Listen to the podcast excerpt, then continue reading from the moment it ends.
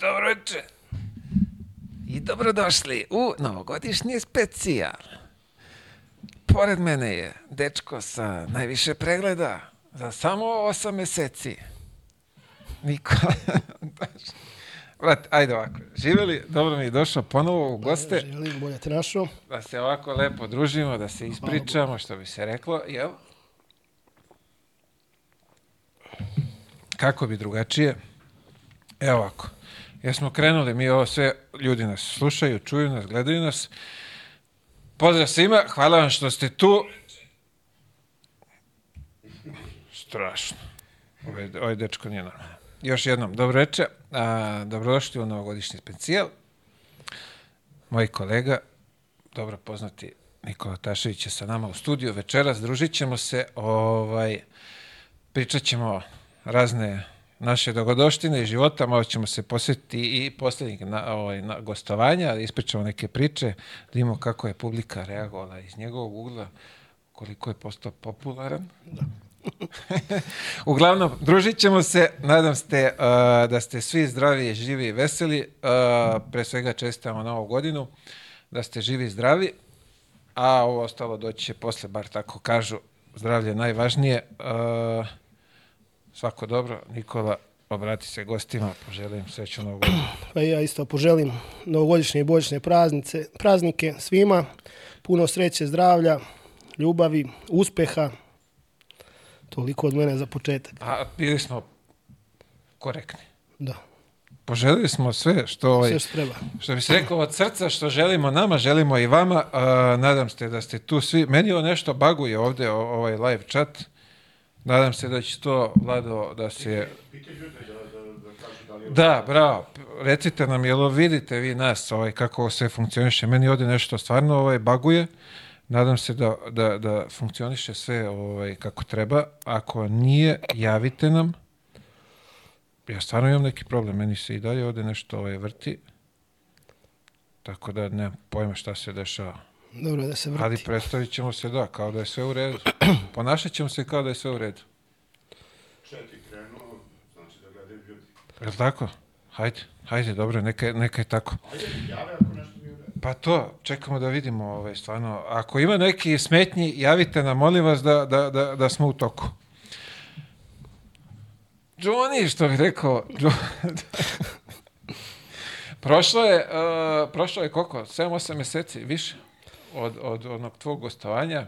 Sedam meseci. Sedam Sedam, osam meseci, meseci. i, i kao, ne znam tačno, ali sedam meseci, Pa znam da 13 je bilo u aprilu, ali ne znam da li je bio početak ili... Bio si za godišnjicu, što bi se reklo. Da, Za da. prvi rođendan, proslavili smo prvi rođendan sa tobom, tako da je bilo dobro. To je znači, trebalo da bude negde kraj Marta. marta, da. Sad tačno koji dan bio, Partizan pojma. Barcelona igrali, znam dobro. Znaš, sam bio na Kako utakmici pa izgubili. ubo. Došli si mi neraspoložen. jeste, jeste. To E, kad, bilo. kad smo ovo je Partizan Barcelona, ajde ovako. Sutra je derbi. Kako ćemo, brate? Pa, ovaj, očekujem dobru utakmicu. Ovaj, Zvezda se digla malo sa ovom zadnjom pobjedom. Pobedila i Makabi pre toga, tako da je malo u nekom usponu, ovaj, ako s moje strane gleda, gledišta.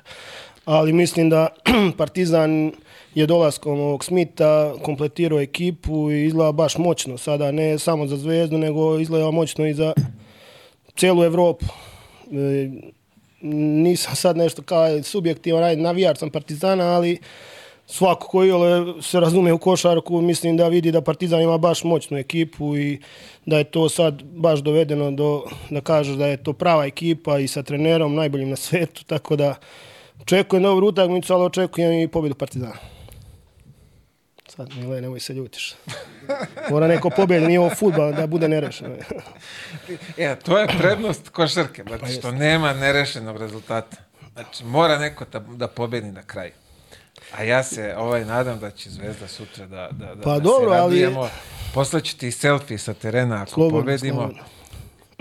Nemoj da se Ja ljutiš. mislim da je Partizan trenutno u boljoj formi i da ima veće šanse. Ja se slažem. Mislim, to je jedna utakmica, može pobjedi svako. Tako je. m, ovaj, može da zabaguje Partizan sutra da ne krene nešto kako su planirali, ali ovako gledano od početka sezone i gledano, gledano ekipu Zvezde i gledano ekipu Partizana, pogotovo što je i po meni najbolji igrač Zvezde trenutno povređen, nije 100% spreman, mislim igraće sigurno sutra, mislim na Luku Mitrovića. Ovaj, najkonstantniji igrač, ma zadnje dve godine, ne samo ove sezone.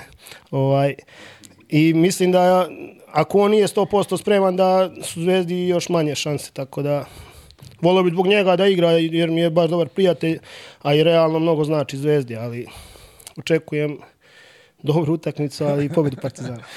Ljudi, izvinjavamo se, nije do nas. Udario grom. Udario je grom u Koprivu, gde ne udara, ali evo ga. Hvala svima koji ste tu. Hvala i kući moji što se brinu šta se desilo. Sve je u redu. Crkva je maršal, ali idemo dalje.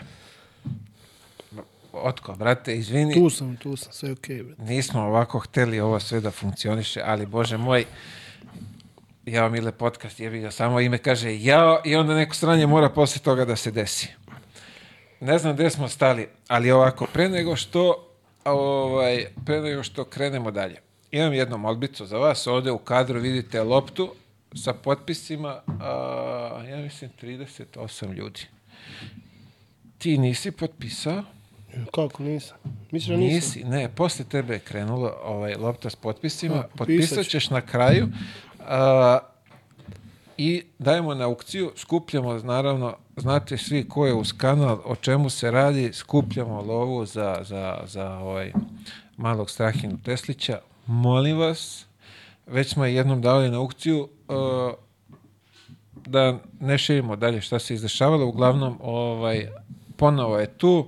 Volili bi, a, ko je u mogućnosti da ovaj, kroz ove komentare ili šta već da, da, da vidimo, da izlicitiramo to, da skupimo neku kinticu, da pomognemo a, da pomognemo malom. I naravno ovde je a, potpisan dres Nikole Jokića. A, odmah da se ogl- o, ovaj, ogradimo, dres nije nošen. Nikola je ovo potpisao samo za o, u ovu svrhu za humanitarnu akciju, tako da molim vas uh, imajte razumevanja ko želi u loptu uh, i, i dres može kroz komentare da licitira, neka bude uh, cena od 50 eura pa na gore krenite da vidimo šta može da skupimo humanitarna akcija u pitanju Uh, ne stavljamo pare u svoj džep, tako da uh, voleo bi da imate razumevanja da može da pomognemo koliko možemo i koliko ovaj, želimo. A mi ćemo se potruditi da nastavimo dalje. Otko, brate? Derbi, drugi put. Da. Ma ne, ja kažem ovaj, da, da je ovako gledano sa strane, malo je bolja situacija ovaj, što se tiče ekipe i atmosfere u Partizanu, to se vidi svako ko hoće da vidi i navijač Zvezde, navijač Partizana vidi da je bolja atmosfera. E, rekao sam malo pre, sad ne znam da li se to čulo ovaj, ili smo bili prekinuti. Ovaj, E, ali da, zanimljivo je, ne znamo kad smo prekinuti. Ne znamo kad smo prekinuti, mi smo pričali, ali ovaj da, uglavnom, Ovaj, ponovi bila, sve što si rekao. bila, je, bila je situacija, ja mislim, Baskonija Zvezda, gde Jago izlazi iz igre, neće pruži ruku pomoćnim trenerima ovaj, pri izlasku, jer je ljud što izlazi. Se, ja razumem, bio sam igrač i ovaj, nekad si nezadovoljan trenerovom odlukom, ali ne smeš to da pokažeš tako na taj način, pogotovo u utakmicama koje se i prenose gde vide ljudi svi i navijači. To sve utiče na atmosferu ovaj u ekipi. Ja kad sam igrao u budućnosti, ovaj pomoćni trener koji gleda kad izlaziš iz igre da li si overio svim saigračima, da li si sve pozdravio pa dek onda seo ili si ono mahnuo samo. To sve je mnogo bitno za atmosferu u ekipi, tako da e, bez atmosfere nema ni rezultata. E, ali pazi, stvarno ta na, na, naša neka škola, ono, moraš da overiš svima, moraš se, kapiram ovaj dečko je, ok, došao iz Brazila, Amerikanac, ne, nebitno, njihov mentalitet i naš mentalitet, kako pa ja mislim da, da bi trebalo da se ugledaju na, na tu neku na, našu staru školu. Kad kažem staru školu, ne mislim samo na Srbiju, nego mislim na, na Jugoslaviju. Jer mislim da ovaj, da je to prava stvar. Tako se pravi atmosfera. Sa igrača bodriš, izlaziš iz igre, pobodriš ga da kad on uđe uradi neke dobre stvari, a ne si ljud što, što, što, što te on menja. Mislim, to je do trenera nije, nije taj igrač koji ulazi mjesto tebe kriv što ti ulaziš mjesto njega. Tako da to, to ne sme da se vidi, pogotovo da vidi običan gledalac. To treneri svi vide odmah u sekundi, to treba sankcioniše. Sad kako to rade u kom klubu, ne znam, ja kažem moja iskustva nekada je to po meni sasvim normalna stvar da jedni druge bodre, da istrčiš celu klupu da overiš svima pa da se pozdraviš da kad on kad ulazi ovaj mjesto tebe da mu kažeš ajde brate odigraj on naš ono, da ga pobodriš malo pa ovaj što ulazi u igru priđe svim sa igračima ajmo to tako treba da ide i sad da li Brazilci i Amerikanci to znaju za to ili ne rade trebali bi da gleda jer je ta jugoslovenska škola košarke bila najbolja na svijetu du- dugi niz godina tako da mislim da je to prava stvar Slažem se s tobom, ali pobedit ćemo sutra. Lemi Aha? nije daleko sutra vidjet Pa ćemo vidi sutra. E, Za 24 sata, kad počne utakmica? U 8, je li tako? Znači, evo, to je taj neki period od dva Da sata, da je- pa da je- da je- znaćemo u 10, Da znaćemo da ko je je Dejo na pobednik. klupi zvezde, bojao bi se više, zato što bi znao Što, da... a šta misliš ovaj uh, Pa, Grk, ovako ne ume ovaj da ih naloži. to Ne, ne, sve? ne, dobar je sigurno trener, ali mislim da ne ume da ih naloži tako dobro kao što je znao Dejo. Da izvuče, Vidi, ja da izvuče 300% iz svakog igrača. Ja sa Dejom nisam nikad sarađivao o tom loženju, ne, ne, ne znam kako izgleda. Pa nije to loženje da te on nešto loži, ali... On ti zapreti. Za, pa to. I onda ti ideš tamo glavom kroz zid, ako treba. Ali za ekipu, to, pa to tako treba. To tako treba po Pazi, meni. domaći teren, pobjeda ova malo iz Istanbula može da pogura, Pa mali jeste. top se vratio. A, Gle ovo, ali mislim da se iscepala zvezda baš protiv ovih. Da, da je baš ono izgubila dosta uh, uh, energije na utakmicu, je bila baš teška utakmica na mali broj poena, malte ne drugo po vreme tuča, i jedni i drugi, ne može da koš niko. Mislim da je tu dosta izgubila energije, mislim Partizan je imao malo lakšu utakmicu sa ovima, uh, mislim da je Partizan uspio da odmori one naj, najveće nosioce igre Čekaj, aj, aj sad, realno, nemoj zajebavaš, brate. Znaš i sam, kad A dođe derbi je derbi, naravno. za... Pa dobro, ali dobro, ima, a igrao može za- da za- ostavi, može da ostavi Ne ovaj, može, taj umor ne postoji kad izađeš ti. pa ne, ne postoji na derbi, kod srpskog igrača, ali kod ovih stranaca postoji. Ja sam igrao dosta sa stranaca, oni su fazonu, bit će bolje sljedeći put, dali smo sve od sebe, našao najgluplju priču, tako da bitna je uloga sutra domaćih igrača, tu je Zvezda u, u prednosti jer ima više ovaj, domaćih igrača koji više provode vremena na parketu. Sad, ja se vodim s onom pričom domaći ili ni strani, bitno je onaj koji daje koševe, koji igra za ekipu, a da li je crn, beo, žut, musliman, pravoslavac, katolik, to me ne, ne interesuje uopšte. Vidi, Tako da sam ja, ne. nisam za onu priču, e, mora domaći. Ne, ako nema domaći, ima ko igra dobro i ja se vadim na to. Znači, ko daje rezultat, ta igra. Pa, I to- tako, to, tako bi trebalo da bude. pa trebalo bi da bude. Ne, nema potrebe tu sad Najgluplja nešto... je priča, ne igra i naša deca.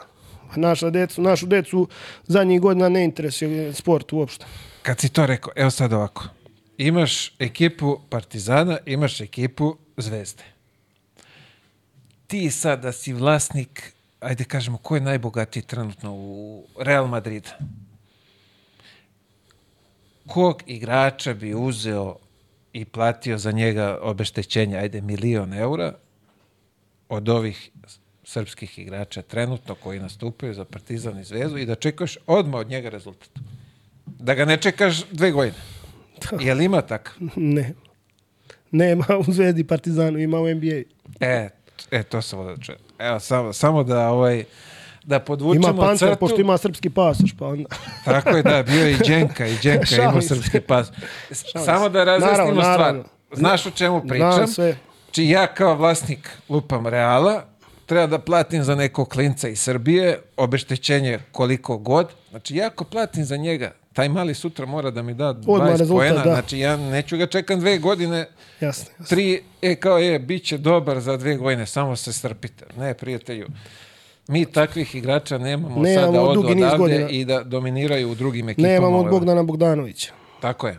Evo, bravo. Bogdan Postova, je, ajde, Vasa Micić, ali Vasa Micić je više stasao u inostranstvu nego kod nas. tako je, Bogdan je posljednji odavde i ajde uzmemo i Kalinu.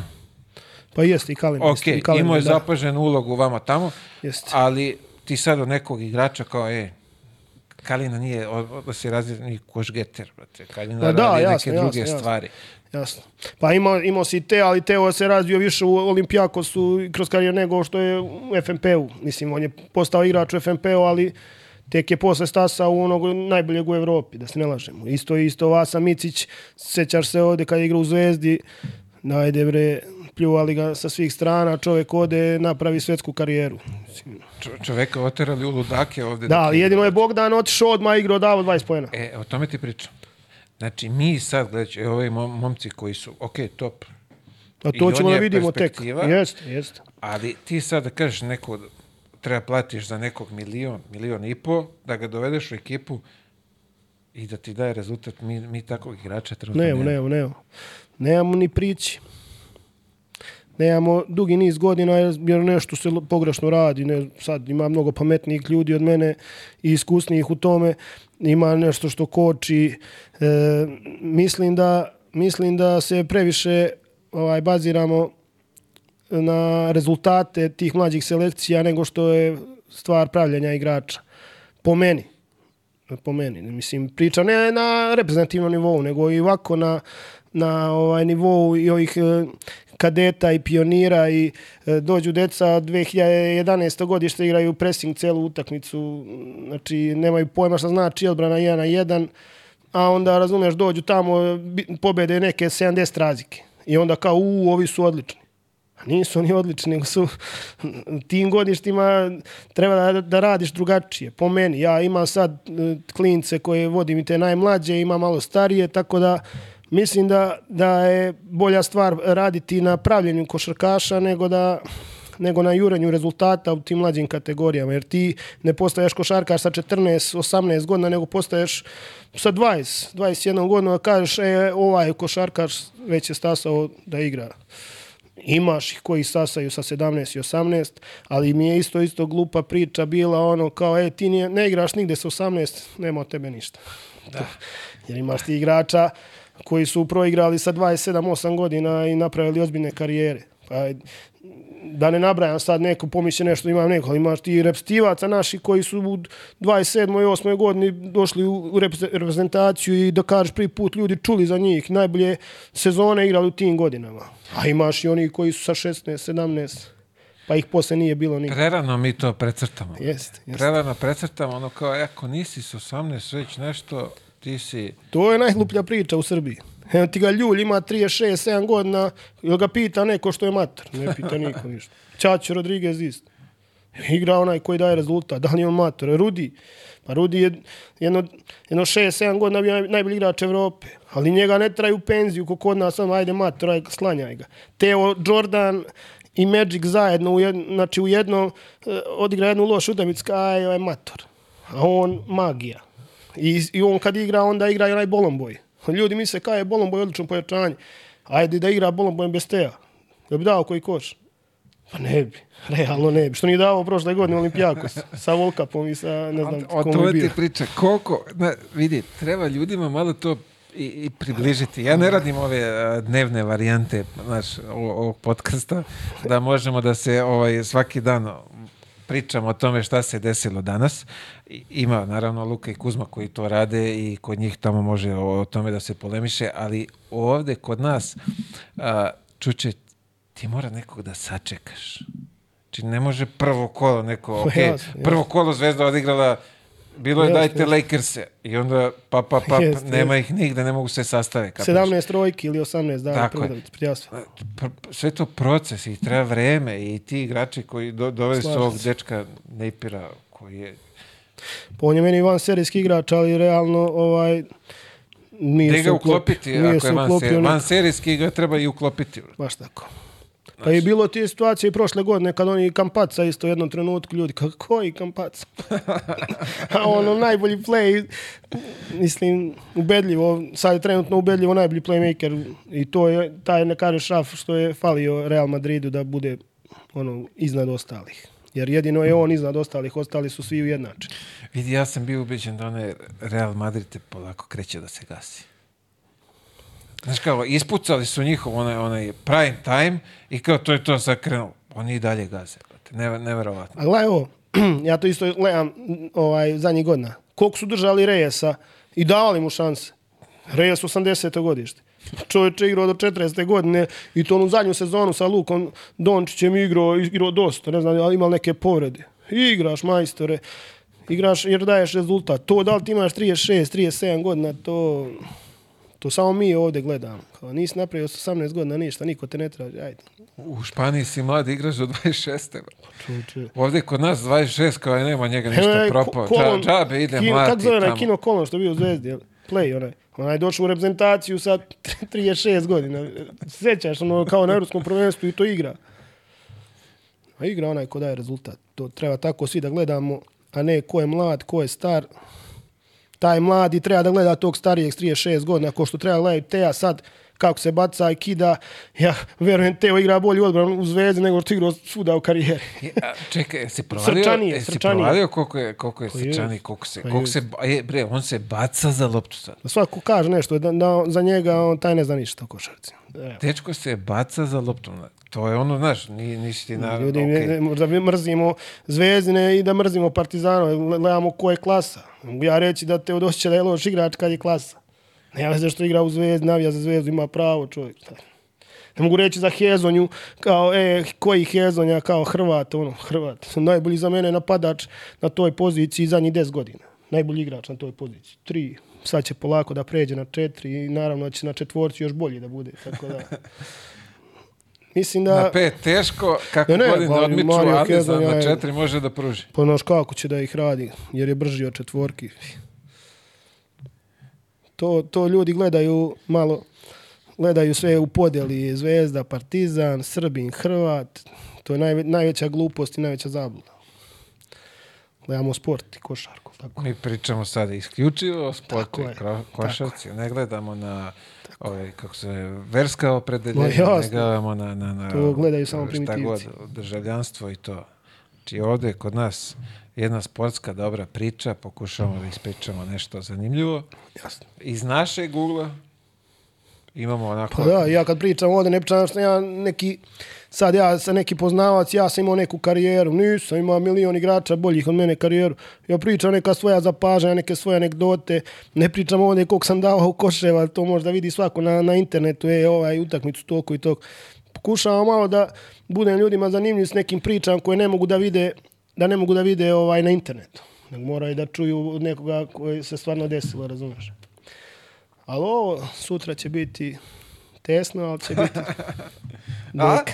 Dvojka. Dvojka. Dvojka. Si siguran, brate? 100%. Pa oni neće znati gde biju sutra. Da, ne znam Željko da ih pripremi. Da. Vidi, kad im udari teo pressing po celom terenu. Neka pomiće smo neozbiljni, brate. Mislim, stvarno, pomislit će ljudi svašta, mi ovdje došli da, da ispričamo. Da dobro, mi gledamo iz naše priče, kome se sviđa, šta. Ne, nikog ne teram da misli isto koji ja. Ja Nema tamo- potrebe, na, mi ovdje, ljudi, nemojte mnogo ozbiljno da shvatite, Da. mi smo ovdje čisto ovaj, Zabave. zabave radi, da ispričamo naše viđenje, stanje u, u društvu, u košarci. Ja navijam da Zvezda pobedi, Otaš navija da Partizan pobedi. Ja mislim da je bilo dobro da Zvezda pobedi. za bolje sutra. Sle, sljedeću za... utakmicu zbog Partizana, znaš. Da mu očisti malo lakši put do... Vidi, nikad se ne zna. Pa Daj. mislim da je zaostala da, za, za playoff. E, Ne kažem da nema šansi, ali Ko Zvezda? da.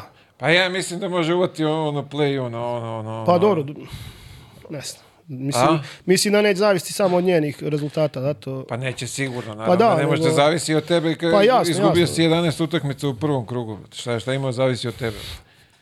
Oni sad sad moraju posložiti kako da, da, da bi ovaj Pa zagolicali maštu baš da, tamo da od se pobedi nešto što niko ne očekuje, tako da... Ali dobro. Vidi. Nije ništa nemoguće. Ali naše je da ovaj, se nadamo, maštamo i da to bude dobro. Svako navija za svoje. Tako je. Pruži se Mene ruka na raduje kraju. da je top tu. što smo rekli, volio bi da je dečko bio od, od, od, Početka. ovaj, od početka tu. Prisustvovao sam nekim razgovorima da se znalo već u maju da neće biti u ekipi ako budu igrali Euroligu, što je nažalost ispostavilo se tačno. Mislim da je Ali- vođa. Video sam ono na juniorskoj ovaj, za juniorsku reprezentaciju, gledao sam malo i ovaj, neke utakmice, ono što je moglo da se prenosi sa Zvezdom na Euroligi, o toj juniorskoj. Mislim da, da izrasta u vođu, sad od njega zavisi kako će se to razvijati ovaj, što se tiče rada, posvećenosti. Nema tu mnogo pametovanja ako veruješ u sebe i ako treniraš. Ima dosta igrača koji izgore i iz, polete u tim godinama. Ja, ja, ja mislim da je on stvarno... Pa i ja mislim da je- nije u tom fazonu, nego da je- da je jeste, na, na jeste. zemlji maksimalno. Čak i u razgovoru sa ovih par momaka koji su bili sa, sa reprezentacijom letos, kad se ono pojavio ono par dana, kaže, vidi, dečko je ono, Pa to je super. primer za, za klinca u, to, u tim godinama, ono, samo da skineš Jeste, kapu ali, bravo mali. znaš, sad će reći kao, e, mora da ostane. Ljudi, teško je takvog talenta i takvog potencijalno dobrog igrača zadržati kod nas. Znaš, e, I on gleda, znaš, možda mi je ovo posljednji put da ja ću moći da imam takvu priliku, znaš, pa onda i ti roditelji isto kažu, oj, brate, ko zna šta će ovdje biti, idemo mi da... Ba, baš, baš će biti teško da ga zadrži u, ovaj, u zvezdi. Vidi, ni, nikad se ne zna, projekcije za one draftove, to je stvarno ono, visoko. Ja sam bio prisutan, znaš i sam ko je Nemanja Aleksandrov, projekcije su bile neverovatne, desilo se što, to što se desilo, nažalost, tako da nikad se ne zna šta, šta može da se desi, ovaj, šta, šta ti sutra donosi. brate. Tako da želimo mu svu sreću, zdravlje, sve što treba. Hvala Bogu, da. Daj Bože da bude sledeći Jokić, Jasno, jasno. ali ovaj, žao mi je što dečko nije bio od početka u, uz ekipu. Znaš, kad znaš, šta, znaš šta me nervira, izvini? E, ne nervira, kako, kako to, nego krivo mi je što nemamo tu ko- španci, brate.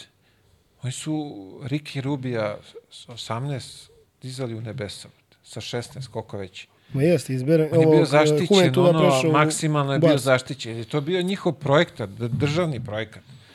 Znaš, što, jeste. što mi nismo stali ti njega, da. tipovi, brate, stani za ovog malog, sad se pojavio posle toliko godina, podrži ga maksimalno, nek to ide koliko može, brate. Slažem se to. Ali uvijek će biti neki kao, e, što on? Imaće neki iz košarke koji će reći, ajde, koga guramo mi?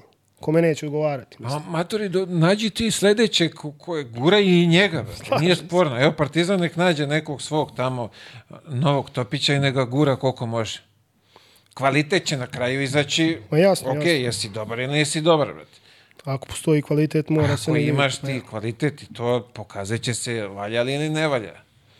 A kad spomenuo draft, imao sam ja jednu situaciju, ovaj, ono, kad sam bio klinac i sad imao sam jednog menadžera i ovaj, sad, ono, tad 18 godina napaljen, zakucavam i on jedan, jedan dan dolazi i kaže moram da ga ovaj,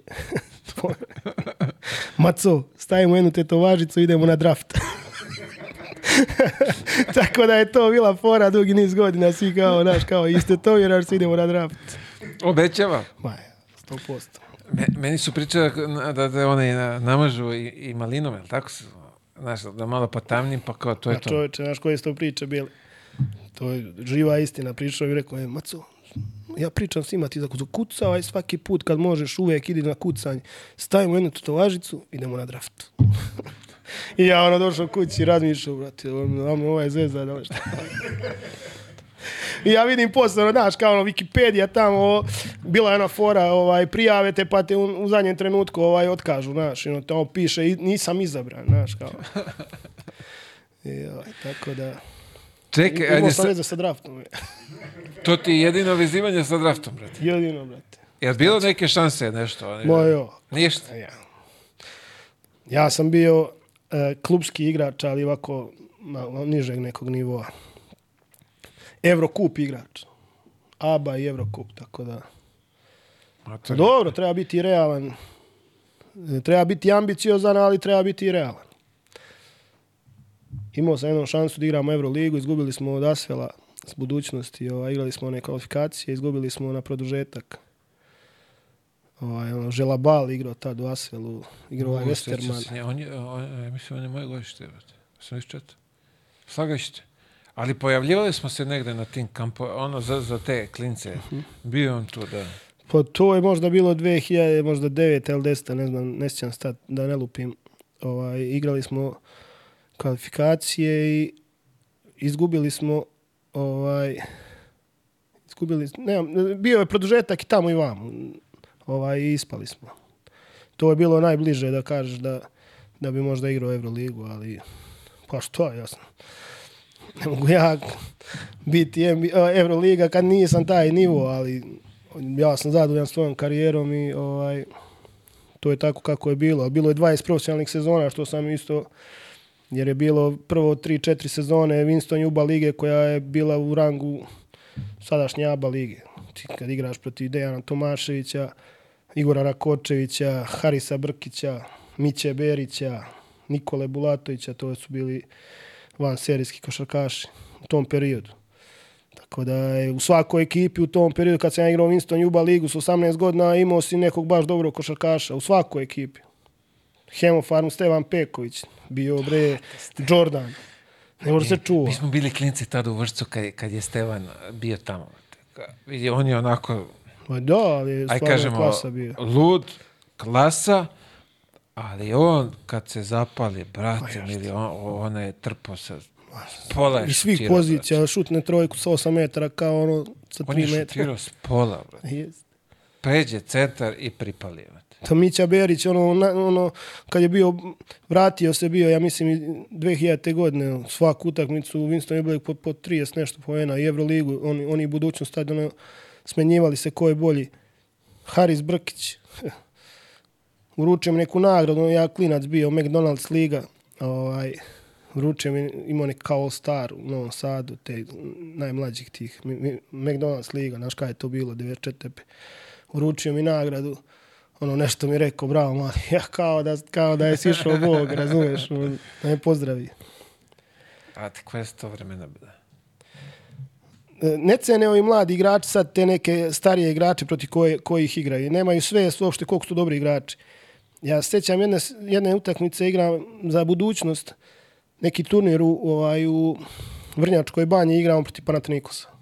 Panathinaikos tad ono najjači kad je bio Jasikivičius, uh, Kalates tek počinio i još uvijek imao kosu. ovaj, Diamantidis, ovaj, Peković, ma znaš kakva ekipa. Nik, nikad jača, ono.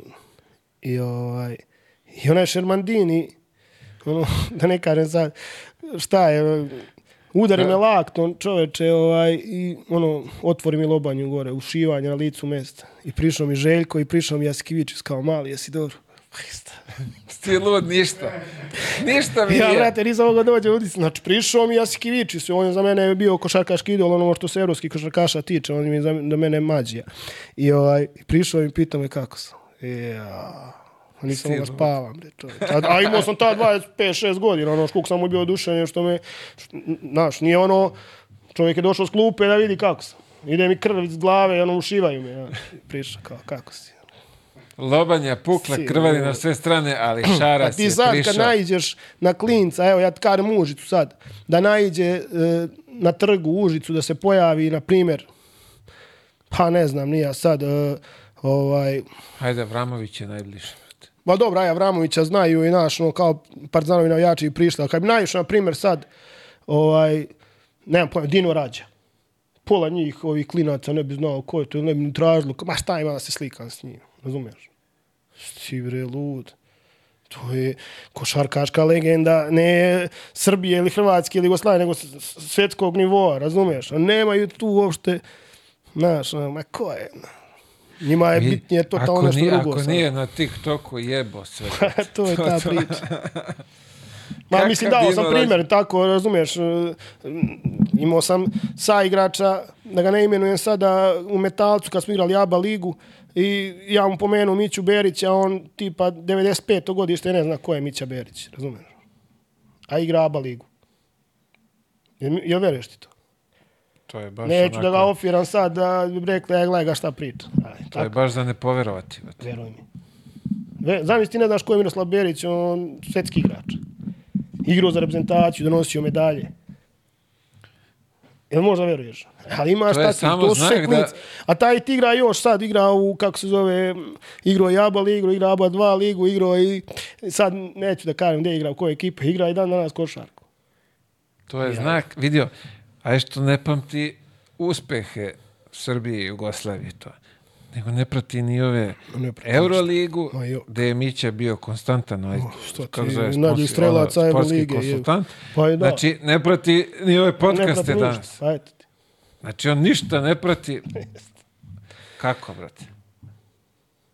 Ja da nema ovog podcasta, ne bi me znali u zgradi, brate. Pa šta i mene ti isto više njih sad zna zbog podcasta zaustavljaju milicija gore ovaj, na, na jezeru. Ja rekao, joj sad šta li? Jao Mile, rekao, o brate, hvala. Zajebaš da je Majke mi rođe. A ja s jednim drugarom sad došli gore smo na jezeru, ono, nisam ja uopšte provalio da oni idu za nama. Ja u jednom trenutku ovako podižem glavu, u, oni u pod rotacijom. Ovaj, nismo mi napravili nikakav prekršaj, nego je rekao, šta će sad, ono, Nije bilo preticanja. ja ono dajem ovako isprave, ovaj policajac lekar. A gledao sam te, brate, ja mile, rekao, oj, brate, hvala ti. Hajde, srećan put. Dokle? A ovaj drugar viče, imamo do cilja 500 metara. Kaže, ajde, ajde, srećan put. Tako da si me, ovaj, Veliki probio pozdrav, si, probio veliki si me. pozdrav, ček, čekaj, veliki da zahvalimo gospodinu, ne znamo broj značke i svega Pa toga, da, velika, to su tamo prijatelji svi iz Bajne bašte, tamo, tamo je to bilo, tako da, evo, pozdravljam ovom prilikom. tako je, prepoznaće se, prepoznaće se, i, a kad smo već kod toga, moram da se lično zahvalim ovako javno, pred ovom publikom, 641 čovjek gleda upravo, ovaj, da ti se zahvalim za gostoprinstvo, bilo je fantastično, oduševljeni smo, onaj katamaran tvoj je vrh stvar, jezero kao jezero isto top. Najbolje, najbolje. Sljedeće leto možda malo gore zabacimo, što bi se reklo, U kod kanjon. mene u Bosnu. A, pa, Da, u kroz kanjon, kroz brate. naravno da možemo. Da malo se provozamo, svi, svim ljudima preporuka. Najbolje jezero dalje. za mene, a i stvarno i ti ljudi tu gore Bajna Bašta i ta okolina Tare, to svi su okej, tako da pozdravljam ceo taj kraj, Bajnu Baštu, Taru, naravno i moje Užice, tako da e, sve pozivam da dođu, je to raj na- raj na zemlji, mislim, na vodi. Mnogo dobra priča. Mnogo dobra priča. Ko nije bio, evo, čekamo uh, sljedeće leto, tu ćemo, Pozvani brzo će to od juna. Za, kad kreće sezona? Od juna, od juna kreće. Od juna kreće, znači 1. jun već može, Može ovaj, da rezervacije. da se. Danas ko se prijavi ima popusta od 10%. Ima, naravno. Kod Jao Mile 2024. Naravno. Eto ga.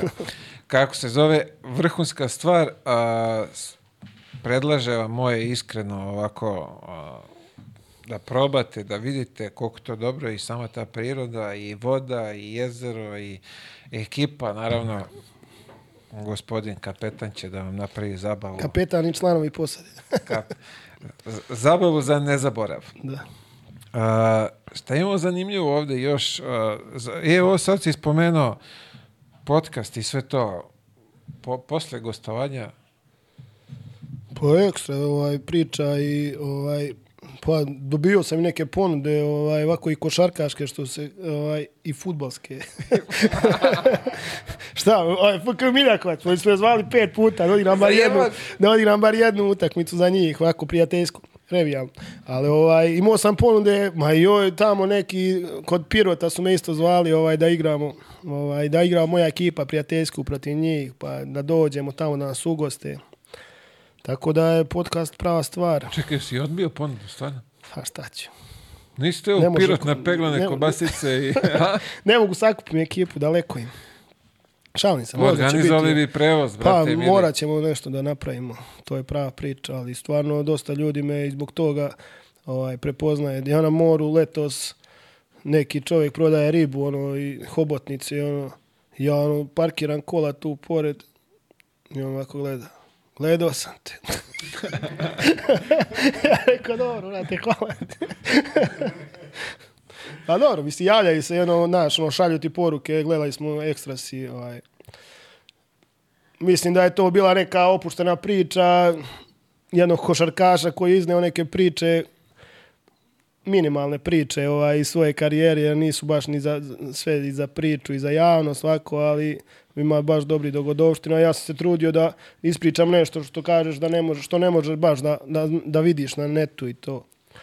E, Ima Ti priča podaci ne mogu da se nađu. Koliko god znali ovaj, i, i Google da, da, da postavljate prava pitanja Ma jasno, i, jasno, ne i ovaj AI, ne, ništa ne može da vam izbaci. Ima, ima dobrih priča. Ali da ti kažem isto dosta ovaj, ovih košarkaša koji su dolazili gostiju tvojih su, znaš, ono, malo su gledali da budu preozbiljni. Ispa smo ja i Sinđa kao da smo najveći neki ludaci, a u stvari smo samo iskreno pričali. Dosta njih ima isto koji su, da ne kažem, opasni ludaci, ali ovaj, koji, koji imaju baš dobrih priča da ispričati. Ali povukli su ručno. pa jesu, jesu. Da ih, da ih zaštitim ovako kao moje goste, povukli su ručnu, jer i dalje je tu neka karijerica u pitanju. Dobro, znaš, ja na- imam karijeru, ne, i ja planiram. Posle ovoga me neće uzeti niko, neće ovaj lud.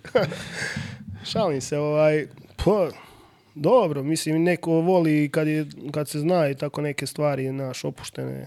Ne mogu ja glumeti nekog skučenog i nekog koji ćuti samo kad nisam taj tip. Znaš, on kaj, ajde, da li ovo da kažem? Znaš, to, ja, kod mene to ide samo od sebe.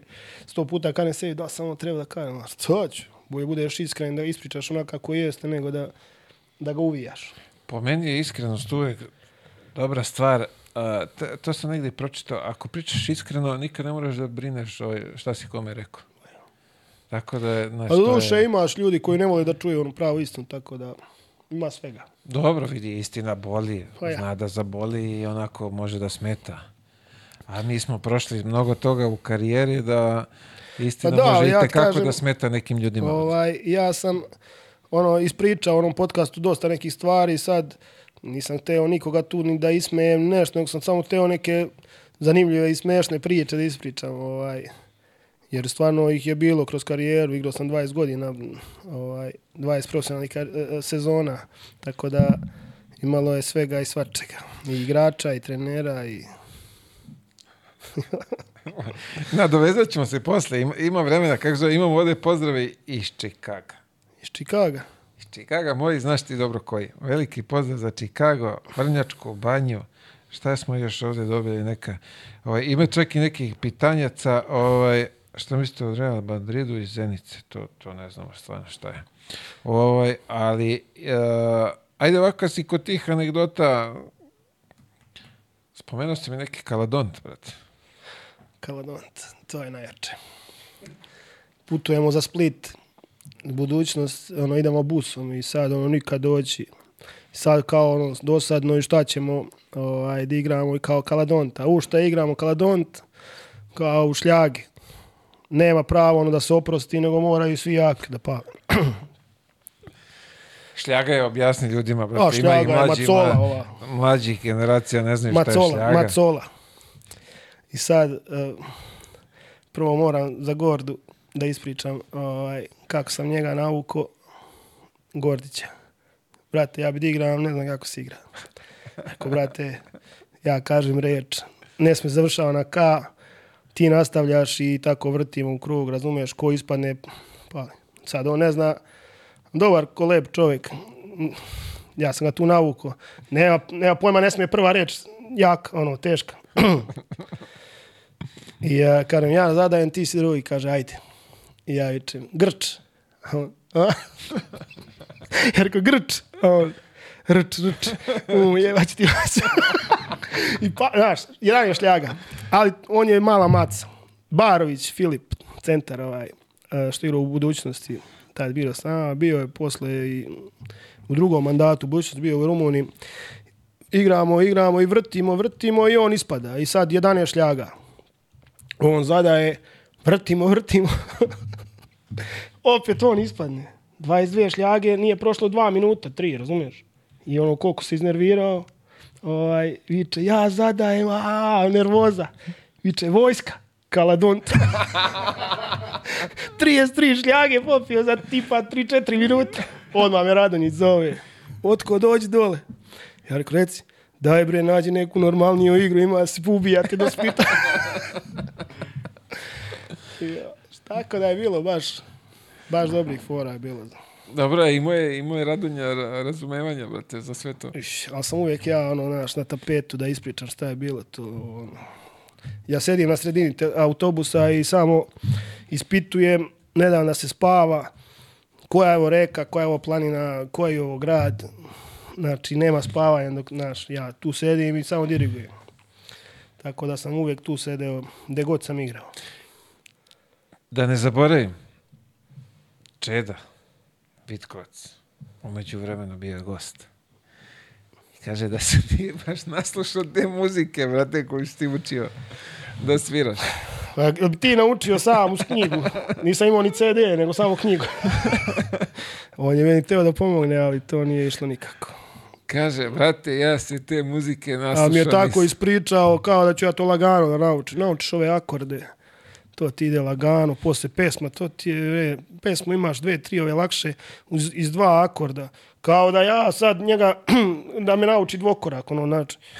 Čoveče, ja ne umijem, da, je, da sam imao nekoga baš ko je znao, pa možda nešto i naučio, ali... Ali Radonjaka je saznao da, da, da sam kupio gitaru. Nije mi, znači, ništa mi nije govorio na mjesec dana i onda ja narekao, alo, Jimi Hendrix, ako ćeš da sviraš, da se rastajem odmah. Dotle došlo. Ima jedna dobra, dobra priča za, za dole budućnost. Kad sam bio sad, treninzi su bili baš jaki. I ovaj, ali smo mi bili svi ono ušpricani, niko nije bio tu nespreman i niko nije imao ovaj, da nije mogao da trenira. Bio je jedne godine Mišanović, ali Miške ta su malo tolerisali, razumeš, je ga visok, pa i ovaj, Radonjić, ono, pre podne trening, ma pripreme u stvari bile u Kolašinu. I sad, kao prvi deo sa kondicionim trenerom. Sad ovaj Dragan Gačević tu nas iscepa, deo ovamo, nešto piše u svesku ili izađe iz hale, ovaj nas 45 minuta ubije. Onda uđe pomoćni trener, ovaj Igor Jović, odcepanje, ono, tehnika, šut, ovo, ono, i na kraju dolazi Radonjić, zadnjih 45 minuta, ovaj, kao naš igra 5 na 5. I ja, ono, brate, popadali. Rekao, ljudi, pričate li vi među, međusobno? Ovo me gleda ovako, teo da me ubije u bazonu i ono, naš, ono, počeo se smeje. Šta kažeš? Rekao, pričate li vi međusobno, ovaj nas odvali kondiciju, ovaj tehniku, sad ti 5 na 5. Tako da je to ono, kad god se sretnemo, on me pita, pričate li vi? A ja rekao, sad, ja mu moram reći, ovaj, pa nek se naljuti, nek mi nešto napuši. Ja rekao, ljudi moji, popada smo pričati, ali vi međusobno. Tako da je bila dobra, dobra. Mislim, ja sam dole, kažem ti, bio četiri godine i dobro se treniralo, ali smo svi bili naučeni da dobro trenira i niko nije se nikad ni bunio ovaj, za treninge. Ponekad nešto, znaš, no, imalo je, znaš, no, kad neko izglumi neku ovaj, povredu ili nešto, ali ono, svi smo bili naučeni tako, to sam onda i rekao, ne može da ga damo, ali ne može ni nama niko da ga da, tako da... tako je bilo. Kidali smo odbranu, a u napadu Šta se uradi? šta se uradi? Da, ali dođe utakmica, sve smo pobeđivali dole, nismo mi dole gubili, možda izgubiš od Partizana i to isto na 62-58 ili tako. Tu u zadnju sezonu gde smo išli na Final Four, to je sve bilo na 65 poena, Grčko-rimski stil. a? daj.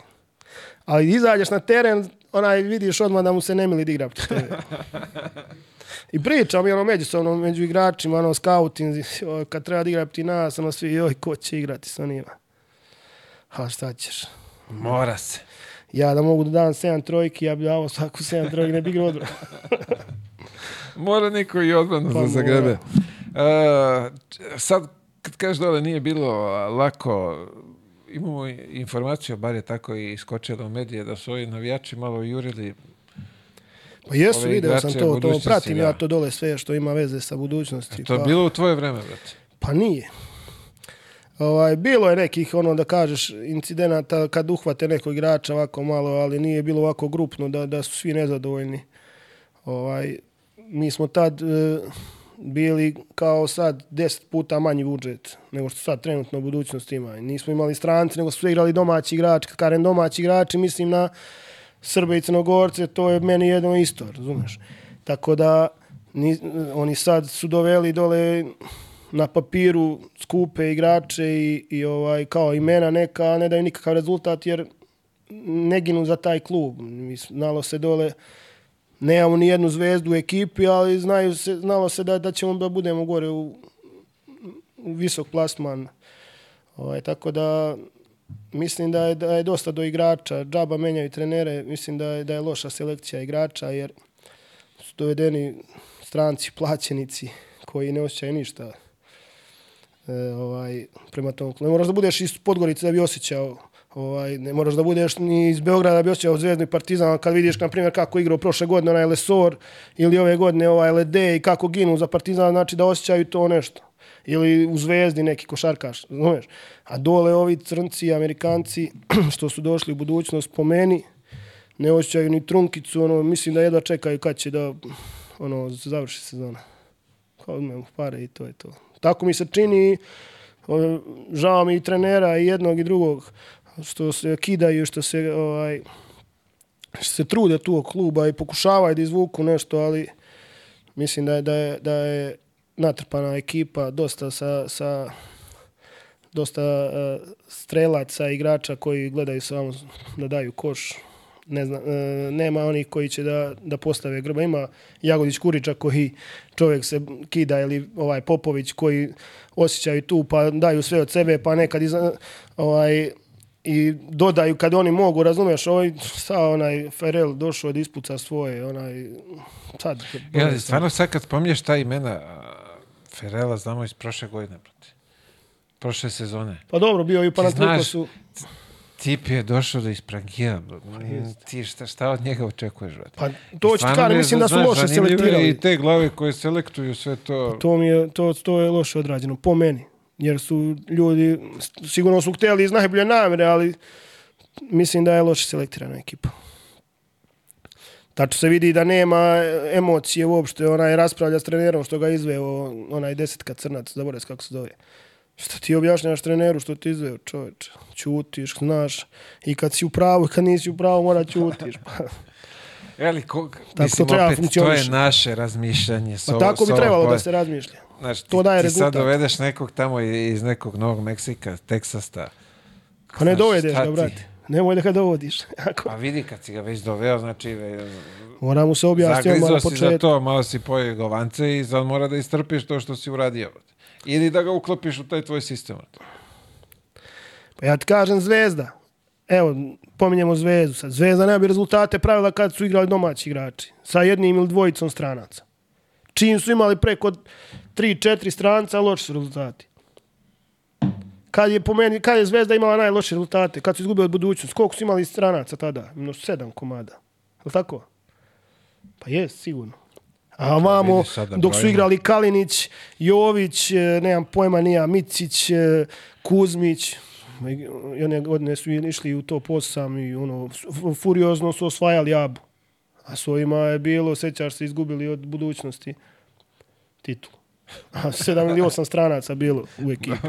Ali sledeće Daj godine ti primjer. Su, Čekaj, čekaj, sledeće godine su preduzeli mere u finalu. A dobro, to, neću da ulazim u to. A, brate, moramo da kažemo kako je bilo, brate. To je najjača priča, ko je prvi počeo.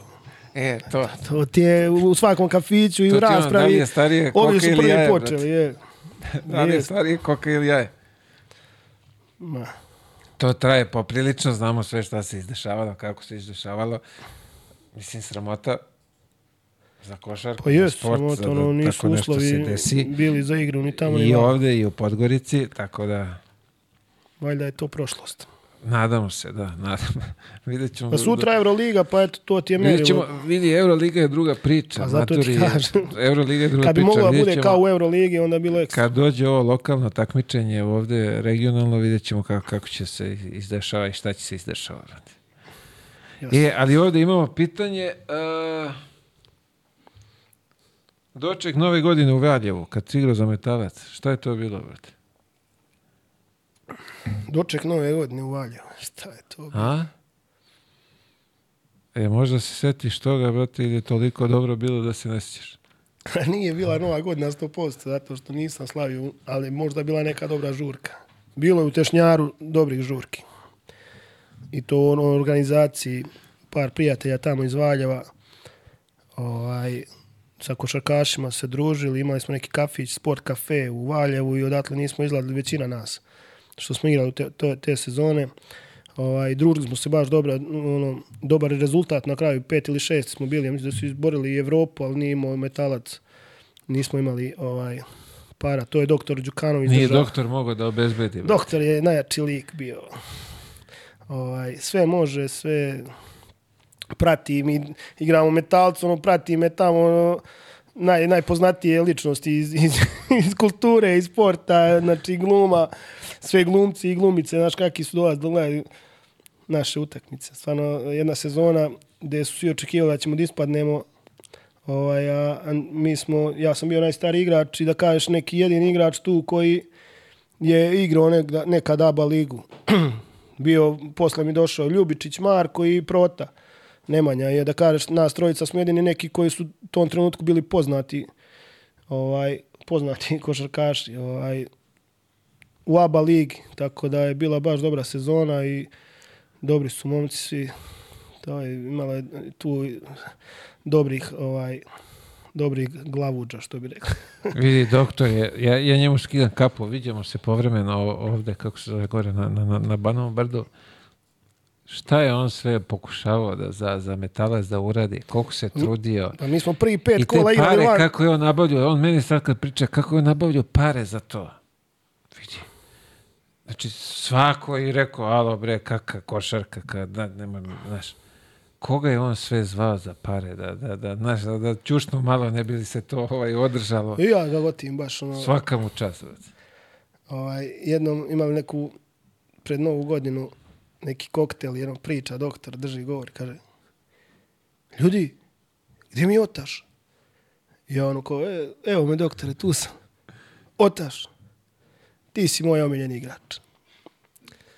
Momci, vi izvinite, nemojte šta a ja stvarno Otaša najviše volim. Otaš, ti ćeš da budeš u metalcu dok ja ne umrem. Kad ja umrem, ti onda idi negdje. Tako da evo, pozdravljam ga ovom prilikom ako slučajno bude nekad gledao ili nekomu bude rekao, ali stvarno godinu dana u Valjevu ovaj, je bilo baš zanimljivo. Ovaj, ima, ima, ima jednog, ovaj, jedna anegdota isto iz Valjeva. Imao sam saigrača ovaj, Nikola Jevtović. Ovaj, igrao je on posle Jugokeji, igrao sad u Rumuniji, Pitešti, u centar, je. I voli da peca. I sad, ovaj,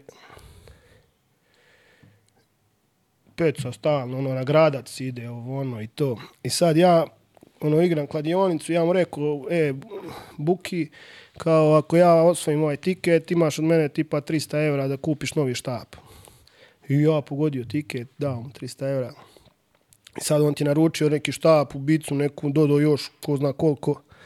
I zove me jedno jutro i kaže, a on ovako priča, brale, kaže, brale, stigo mi štap, hoćemo idemo da probamo. Ja rekao, ajde, brate, stižem, gdje ćemo se nađemo, kao, ajde, idemo na gradac, ovo ono. I sad došli mi na gradac, štap, šest metara, ono, ne, lupiću sad, naš koliki štap, ja rekao, šta je ovo, kupi, ovo, ono.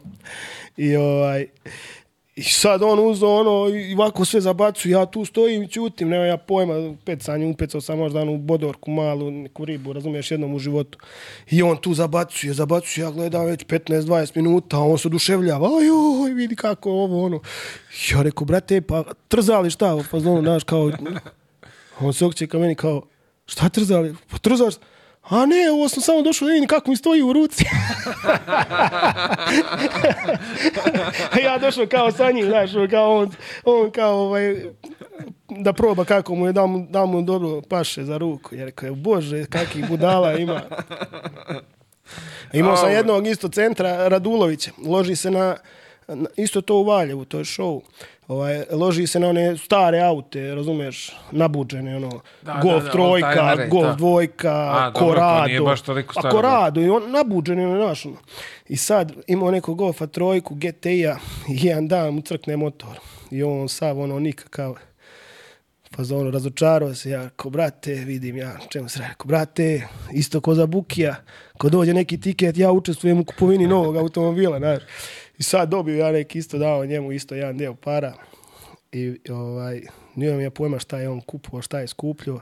I stiže jedan dan slika na Palićkom jezeru, oni Subotice, na Palićkom jezeru zagrli onog starog nekog kvatro Audija, ovako, znaš, on kao sede ispred jezera i slika ga neko nazad zagrio Audi, ono stari, 80 neko godište i napisao mi ispod, otko tvoje su felne.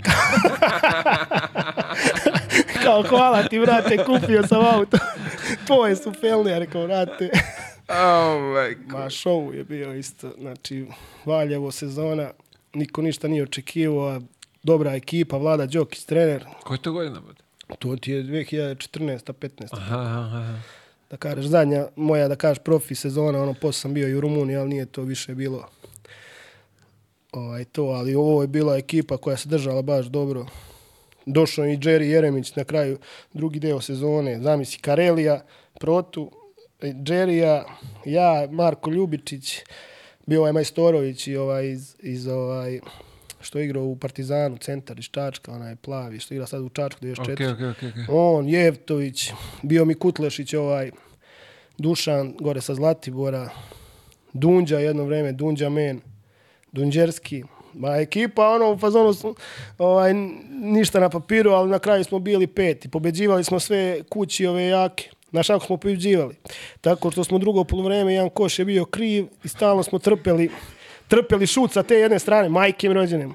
Znači, to je neverovatno. Dobili smo tako Cibonu, dobili smo tako budućnost, dobili smo tako Cedevitu. Znači, stalno smo puštali s te jedne strane da je viši obruč ovaj, da šutiraju. A to je bio show. A jedino koji je došao je odmah rekao da je ko, koš kriv je Dulevo Jošić. Partizan došao veče pred utakmicu i rekao ovaj koš je kriv. A niko nije obraćao naš no pažnju, malo je višlji bio. Ima jedna utakmica protiv Cibone i sad ja ne ulazim uopšte. Ovo hoću da ispričam uh, priču kako igrač treba da razmišlja. Šta trener traži od njega, da to treba da ispoštuje. Da li će on da bude zadovoljan, neće, to je... Jer dosta igrača uh, u fazonu misli da odmah treba da igra ovaj, po 30 minuta. Sad ja igram egal utakmicu. Ja ne ulazim sekunde. 13 sekundi do kraja. Znači 13 sekundi do kraja. Niko nije napravio petu ličnu. Meni Đokić prilazi, vlada i kaže uđi, odbrani ovo, molim te. Mi vodimo pola koša. Rekao, molim, Uđi, odbrani, molim te. uđi, odbrani ovo, molim te. A bio Ilijevski play. Vlado. Ja u sebi, u brate, znači ono, 40 minuta nisi igrao. Znači olađen skroz. Ovi me svi gledaju, ja ulazim. Znači on ti je mene prošao. prošao je on mene, ja sam trčao za njim, ali on je mene prošao u fazonu, ono, u prva 3-4 koraka, ali ja sam, ono, sprint za njim, malte ne ga je izgurao tamo u auto i on je dodao ovam, onom Zupčiću, ja mislim, i onaj promašio trojku. Mi smo pobedili. I sad ulazim u slačionicu, ovo, Đokić na mene skače, svi me grle, kao sam ja nešto, stvari, ja nisam ništa, ali 15 ljudi me zvalo i reklo mi da ne bi ušlo nikad u igru da su bili na mom mjestu, razumeš?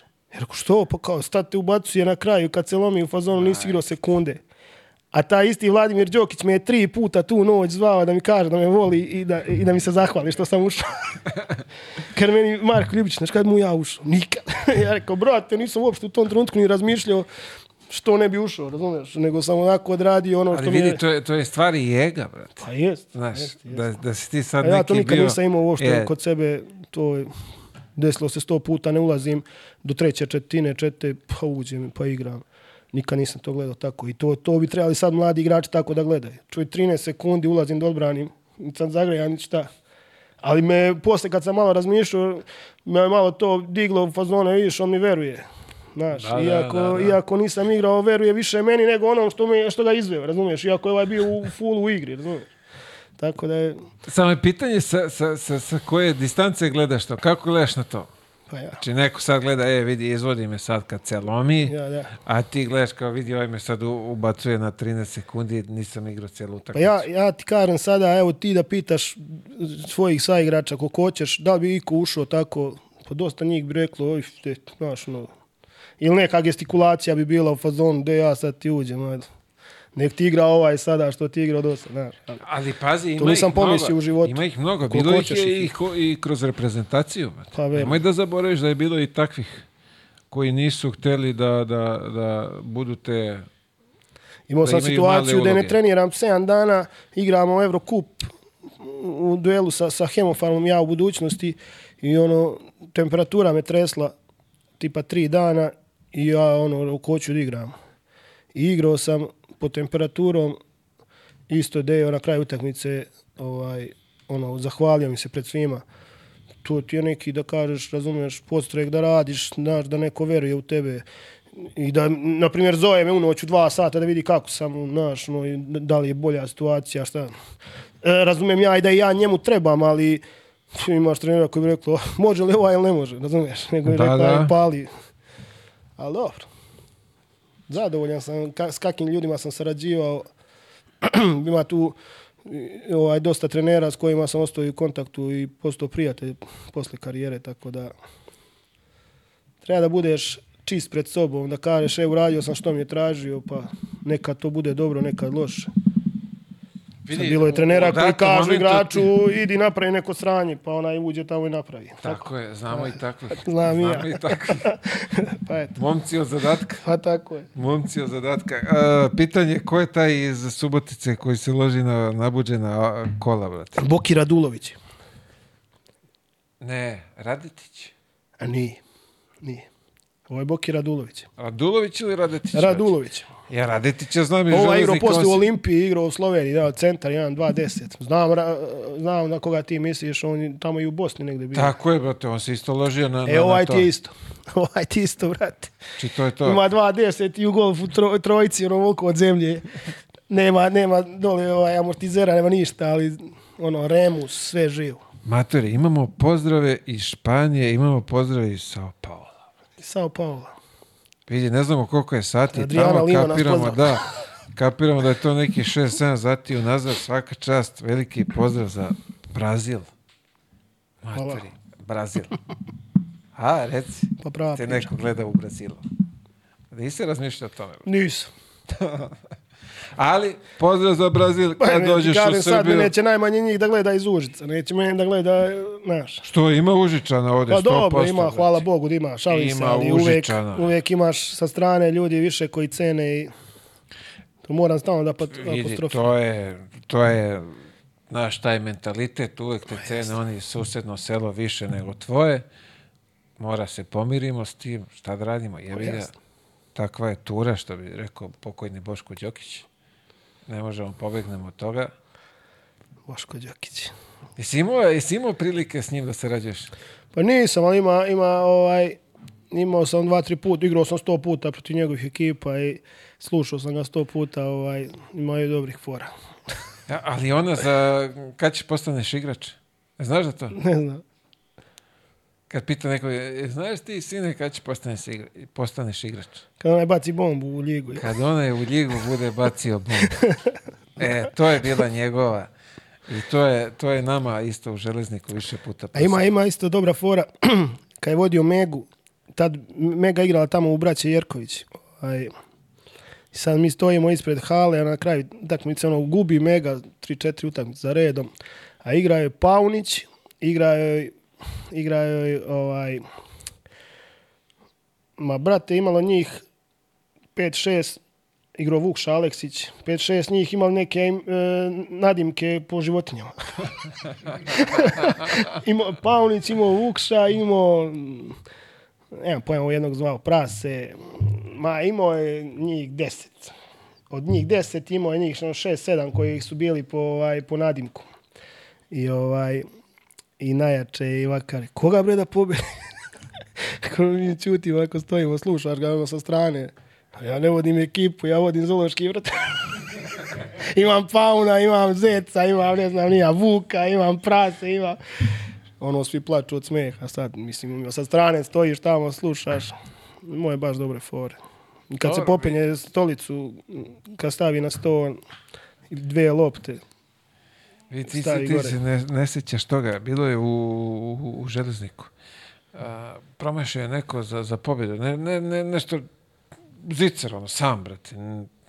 I promaši čovjek. I sljedeći trening, on dolazi, merdevine, ja. stavlja ispod obruča i penje se gori, ako gleda iznad. Sine, nema ništa ovdje.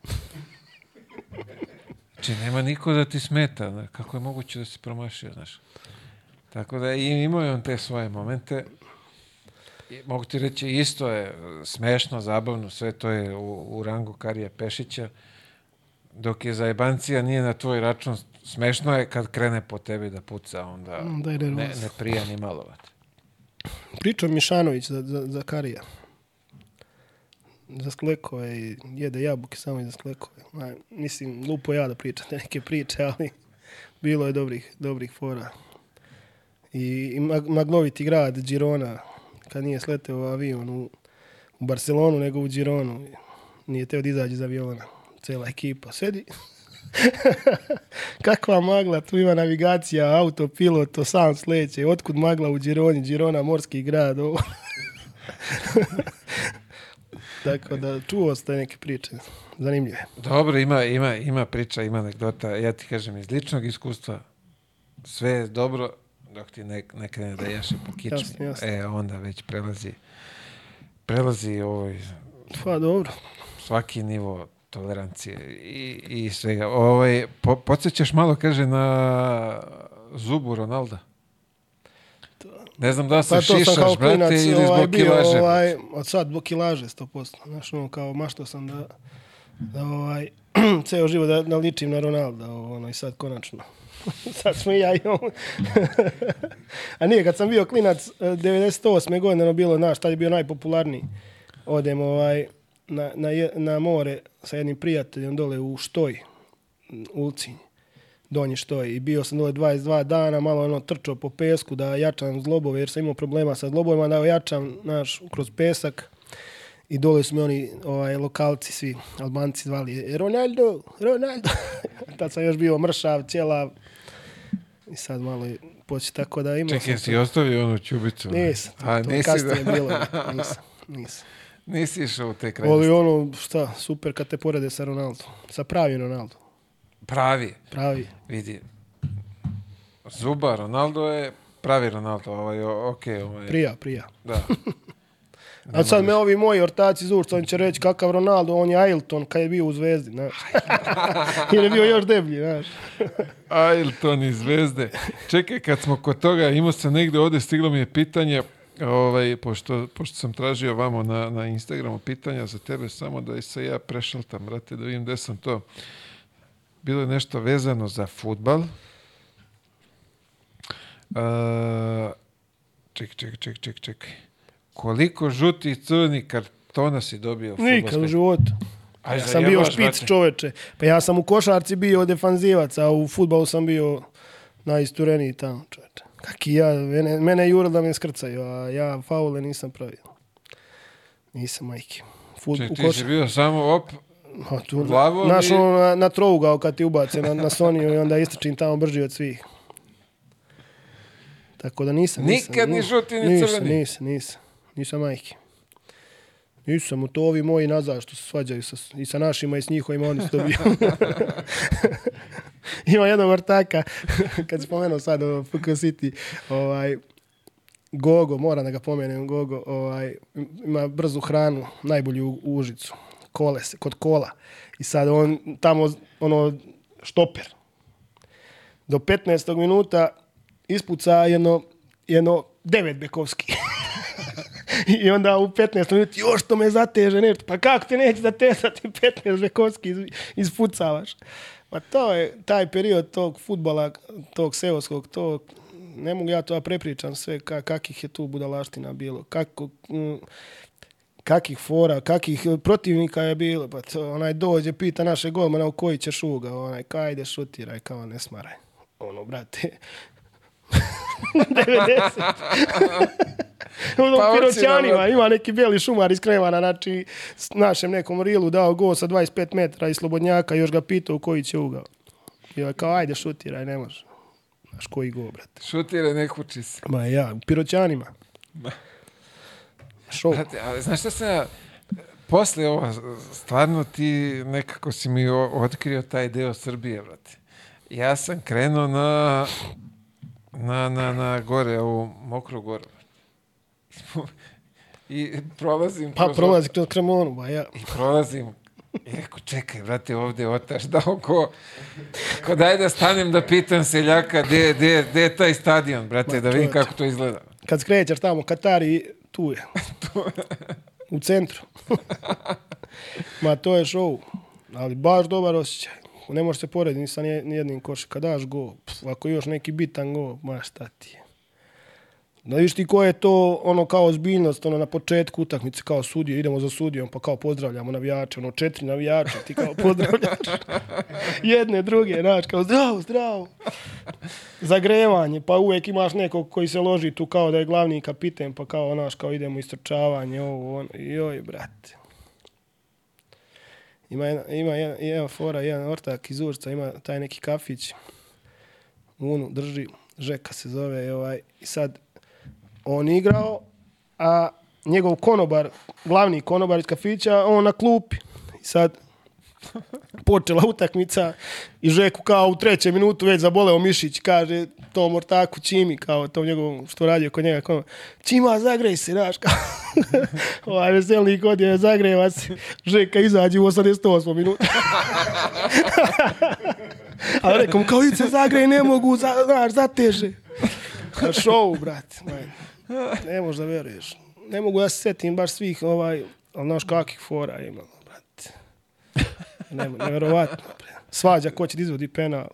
Trojica se svađa i onda onaj jedan kaže, slanjaj se. Znaš, kao, daj loptu, ja ću. Pritrči, zar to nije bilo ono pravilo koje je najjači? To je služaj, evo, isto igram u tim Vranjanima, pričao sam to kad sam dao dva gola i sad taj Žeka, ovaj, penal na 5-0 za nas, znaš. I sad Teo Panjenku, onu, znaš, da bocne. I golman ostao na liniji i uhvati u loptu, da. I kao, Žeka, šta radiš? Kao, A, brate, nisam teo da ih pocenjujemo, brate. kao namjerno sam, znaš. Ma, brate, Au, brate, vidi. tri dana bi imali da pričamo, veruj mi. Čekaj, imamo ovde pitanje stiglo. Ovaj, najdraži go u košarci i koš u, kari u basket karijere, brate. Najdraži koš i najdraži gol. Da.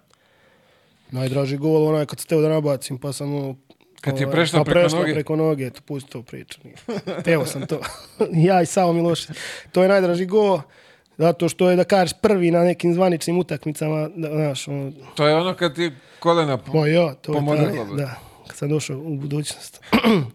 A najdraži koš, najdraži koš mi je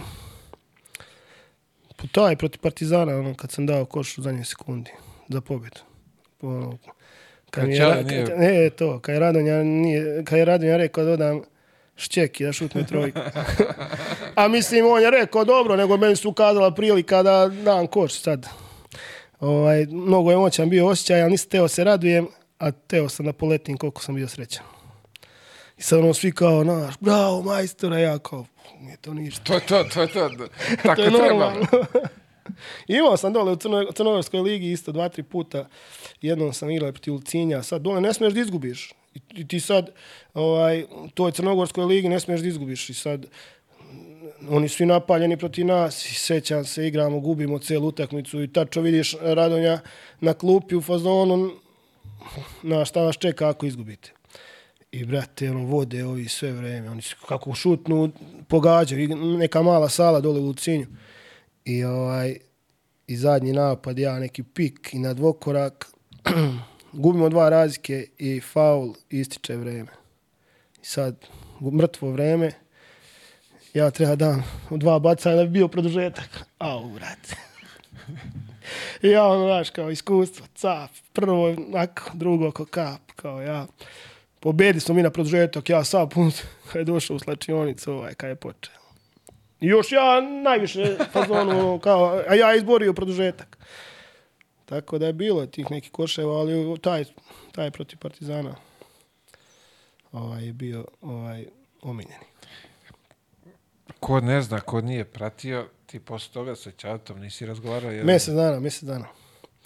Baš mu je teško. Bilo je ono, naš, no, kaže majici, recimo, to i to. A nije, Ćale pokoj nije bio baš žešći partizanovac i njegov otac, deda moj, bili smo stalno, part, ono, nije, bilo je njemu milo što sam ja dao koš, ali ono, naš, je baš partizanu, znaš. Što nisi zvezda? A, to je ta neka priča bila. Ovaj, najjače, oni, oni brat na, na tribinama isto, znaš, no, nije normalno da, e, bilo je ono u fazonu igraj dobro, ali Partizan pobedi. A ono, bilo suprotno. Mi dobili. E, kako se zove, imam ovdje pitanje. A, bio, bio, biošca, bio, bio, Bioska. Bi, biošca. Šta bioska? Da, da li si igrao tamo, kako je? Igrao sam, to sam pričao isto. Igrali smo na nekom malom terenu pored Đetinje. Uh, to sam dao dva gola i ono penal nadamno što je bio. Ima, to sam, igrao sam dosta puta tamo. Najgori teren na svetu. Sav je neravan. ne može strči normalno. A mislim, ono, seoska liga, pa... Ali igrao sam. Vruć teren. Tamo meštemo neki ovaj, kapiten njihov, meštemo sve po nogama. Po nogama, A, da sudija ne vidi.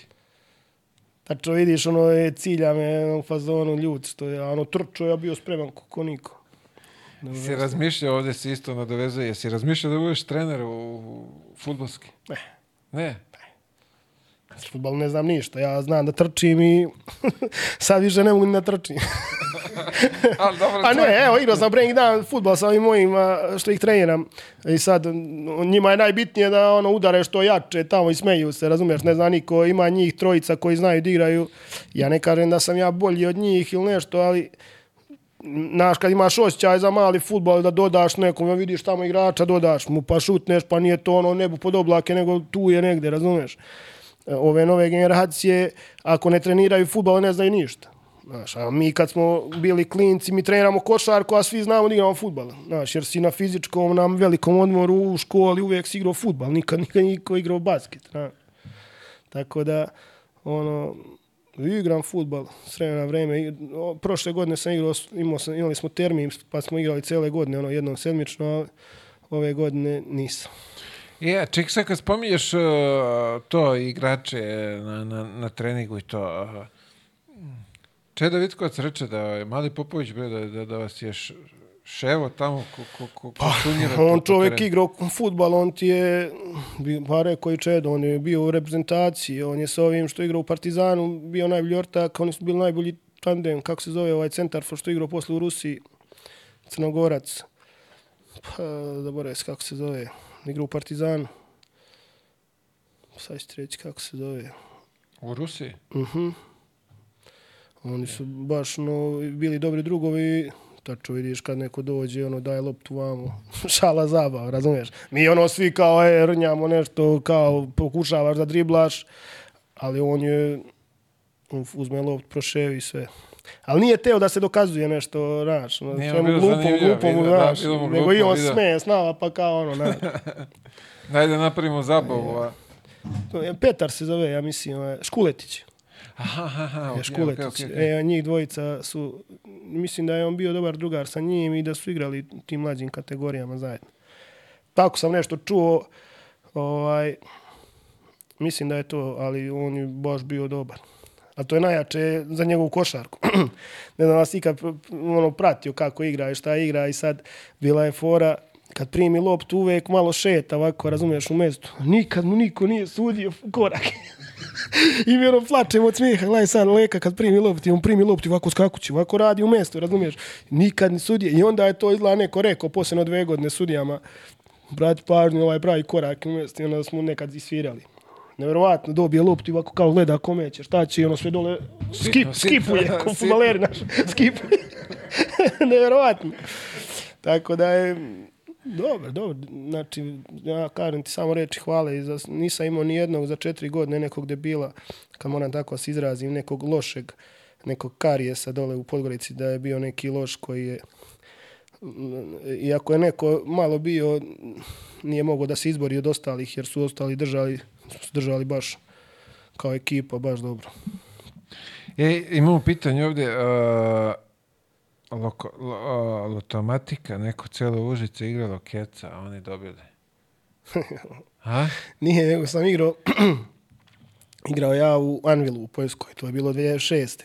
I sad igramo Eurocup protiv Snajdera. I sad mi odlazimo tamo sa osam igrača. Ja i još jedan smo povređeni, ali moramo da budemo u ekipi ovaj, da bi imalo deset igrača, Eurocup. I sad zovu me ljudi, pitaju šta ćemo raditi. Sad ja rekao, ne igraju dva neka fazonu nosioca igre i ovaj i plus ja i ovaj još jedan samo se skidamo, razumiješ, ne, ne možemo da igramo.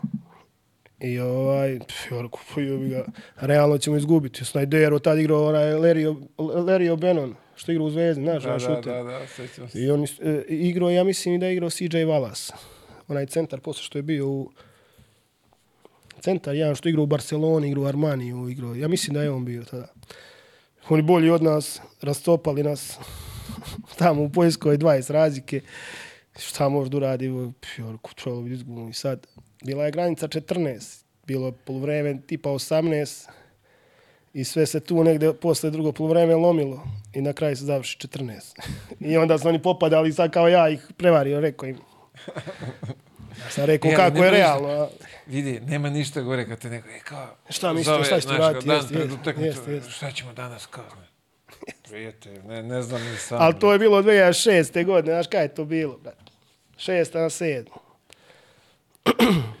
Uh, imamo ovde, e, ovo, ovo me zanima, brate. Tvoje iskustvo je u, u Belegišu, brate. Gde u? Dunava. Belegiš. B Liga, Dunav. A, Ti si igrao za Slobodu. a, jesam, jesam. Pa igrali I smo, došao ovaj, si tamo i da čujemo dalje e, kako je po bilo. ništa, bila egal, nas, nas šest ili sedam smo bili cele te polusezone, ovaj, pošto su otišli bili igrači, onda su mene molili ovi iz Užica da potpišem da ostanem u ligi, a oni su bili gore među prvima, taj Dunav. I sad igrali u onoj sali, odmah pored Dunava, neka mala salica školska, šta je ono. I ovaj, Egal je bio Egal, nas Šeki vodio, Šekularac, mladen. I bio Egal do, do možda tri minuta do kraja, ili dva minuta do kraja i onda par nekih odluka sudijskih neverovatnih protiv nas. Mi smo i vodili većim delom utakmice. I, ovaj, I onda smo se dogovorili svi da stanemo, nismo htjeli da igramo za njih dva minuta. Izgubili. Oni nas trpali, ono, znaš. Mi ne igramo, oni nas trpaju, znaš. I onda, ta je neka, mislim, a nije to ništa bilo protiv tih momaka iz Dunava, nego je stvarno bilo suđenje, njima ne treba ništa, a mi se borimo vam za opstanak, znaš. To je bilo možda 2000, možda 17. 18. Vama piše, boga mi, bilo tamburanje 20 razlika. Pa na kraju 20, a mi vodili sve vreme i onda smo stali da igramo. Tako je bilo 100%. Neko bi rekao da je namešten. A nije namestan, gdje je tu da namestiš? Nisam ja dozvoljavao da se namesti nikad. E, vidi ovo sad, e, kad smo ovaj, kod nameštanja, stiglo je pitanje tvoje mišljenje o ovim e, na, na, nameštanju u KLS ligi. Ovi što su momci... Pa da ti kažem, pošteno, moje mišljenje, najiskrenije moje mišljenje, treba budu svi kazni. Sad, koja će kazna tu da bude, treba bude što rigoroznija kazna. Sve razumijem da nema para u našoj ligi ovaj, i da, da, da ovaj, ljudi posežu za tim, da nešto zarade, ali nije to rješenje. Mislim da, da ruši se ugled i onda te onda kvalifikuju i ostale sve i neke koji se ovaj koji se ne bave time ispadneš kao dolaziš u, sad dolazi iz Srbije neko on će reći u da li ovaj namešta razumeš jer tamo svi živi namešta realno u KLS jedno vreme svi su nameštali tako da a to je najjače, E, znaš kao, e, jeste nameštali, što mi ne reče, vole. Daj mi da znamo, da. Ja, zna, zna, znaš šta je meni samo krivo? Ok, i tu su izlistani neki igrači. Brate, nisu oni jedini koji su nameštali. Pa naravno da nisu. Tu imaš od trenera, brate, imaš od, od predsednika klubova, od menadžera, imaš i oni tamo za, za, za onim uh, što puštaju vreme, brate. Pa da, I oni isto nameštaju. Kad bi se sankcioniše da se odmah od glave krene, a ne E, od ovih to je, pijuna. ta, tako je, ali sad, ok, krenulo je tako kako, kako jeste krenulo, ali ubeđen sam Pa dobro, ali ja evo, nisam čuo da je sad, e, što ne napišu, je zvanično je ovaj kažnjen. Nije, ni, svi se pričaju, bit će kažnjeni sad. Ali dan danas ne znamo imena koje, ne znamo koje u niko. pitanju. Jeste, baš tako. Njih ima 40, oni Jest, su jest. procesuirani. Znaš, Jest, ono, jest. klasika, ona crna hronika. Istraga je u toku, znaš, kao ovaj je preminuo, saznaćemo šta će se desiti Pojeo posle. vuk magarca. Da. Prijatelju, ko je tačno imeno, a i, i, ono kad se desi ono sranje, m, m, znaš, Ja, kao, inicijali, treba se kaže taj, taj. puno ime i prezime, reci ko je pitanju i teraj dalje, brate. Ne, ne mi tu sad, mi treba nagađamo o kome se radi, brate. Ali ima od trenera do i onih tamo i Pa sudija tu moraš i... da bude povezano više i igrača i sve. Ne može to jedan da namesti. Ili dvojica. A, nije to futbal pa golman napravi crveni karton. ili pusti gol ili napravi penal. Ili, ne. Znaš, malo je to škakljiva tema, neće niko da se bavi tim, svi ono kao, ej, da, dižemo, istraga je u toku, znaš, ona klasična priča. Daj pravde da budu svi kažnjeni koji treba budu kažnjeni, a ne samo pojedinci. Tako da to je neko moje mišljenje, ali protiv toga sam. Vidjet ćemo kako će to, ove, kako će to da, da, da se završi, ali da treba, ove, što ti kažeš od glave, krenuti izmarisati sve lepo po, po glavi, pa, pa neka vide kako će dalje. E, komplet le, lepinja, a, a, a, izmače mi ovde samo da vidimo, sulja, suljaga ili Šuljaga. soleta. Kod koga je E, bolja? Po meni bolja kod Soleta. E, dok je bio pokojni Cole živ, taj gazda. Aha, je imao aha, jedan aha. radnik koji sad prešao u neku drugu ovaj, drugu radnju, radi da, transfer. Ovaj, on mi je pravio najbolje, za mene najbolje. Ja volim da bude življa, da može da se umoči lepo i to. Ali nisam naš, ono, Šuljaga je najveće ime što se tiče te komplet lepnje, proglašeno je za najbolji doručak u 2023. godini na svetu. Opa! Nisi znao to, a? E, Maturi, ne bacaš mi te informacije. Pa, sad pre neki dan je to pred kraj godine je bilo. Znači, Najbolji pro- najbolji doručak? doručak na svetu. Ko, ko, aj sad ovako, Pa nisam na to ja, svetu, pa nisam to ja. Pa bilo ti na radio S-u ovaj, proglašeno, neko je to vodio, nemam pojma ni ja. A znam, na radio S pričaju i svašta nešto. Ali Pa jeste, nego da je bilo, je bilo i po novinama i po ovim forumima i po, naš, po medijima je bilo da je proglašeno. Da mu sada ukucaš, našao bi sigurno. Niko, ja nisam... evo Znaš, dođe evo, pre neki dan je neka 23. devojka. godina je prošla, ja još Slušaj, nisam evo, vidio niko... neki dan na TikToku i kao neka sad hvali gore na Zlatiboru ovaj, komplet lepinju i ona je stavio komplet lepinju i ona uzima viljušku i nož i seče ovako komplet lepinju i nabada i jede. Ne se to tako majstore. To se otvori onaj poklopac, pa se odlomi pače, pa umačeš rukama se jede. Znači, mora i A upustiti. mora, pa u pustvu ako se jede. Sad ne možeš jesti viljuškom i nožem. To me podsjeća ovo ko italijani kad neko iseče pastu. To hoće umru. Pa to je, to je meni isto katastrofa. To kao da, da, da lakše ću da jedem. Ali svaka čast, ako je to tako stvarno, ako je doručak. Jeste, majko. 23. najbolje na svijetu. Proglašen stvarno. Nisam to ja izmislio. Vidi, ja generalno ne verujem ovaj, To ti je pojdeš, brate, to ti pojdeš sada tipa u pet popodne. Možda piješ šta hoćeš cijelu noć. Drži, neš, ogladne ti, znaš. Dobra podloga. Mnogo jako. Posle grada, kaj pojdeš, ma trezniš se u sekundi, brate. Znači, mora jedan To je vikend bomba. Da, jedan vikend da odvojim za Užice. Ali moraš dobro da, znaš, ono, veruj mi, tamo u Urcu najbolje prave. Sad ima i na Zlatibor, ali nije to uopšte to. Pa na Zlatiboru prodaju kao komplet lepinja, dođu iz Beograda ljudi, ono, na, on im proda komplet lepinju sa pršutom. Koja je to komplet lepinja s pršutom? To ne postoji. Nego, ajde, daj mi pršute da im prodam sve, razumiješ? Pa vidi, u Zlatibor je turizam, jebi ga i Pa onda slažem mora se, da, da, prava da komplet lepinja je nešto totalno drugo. Hrvatski sad proglasio. A? Da li je ovo sad? Kako da verujemo, Jeste, jasno. Verujem mi da jeste. Hrvatski sad proglasio da je komplet lepenje najbolji doručak na svetu. Verujem mi da jeste. Mene baš zanima šta misle ovi iz, iz Bangladeša, brate. Šta je najbolji doručak na?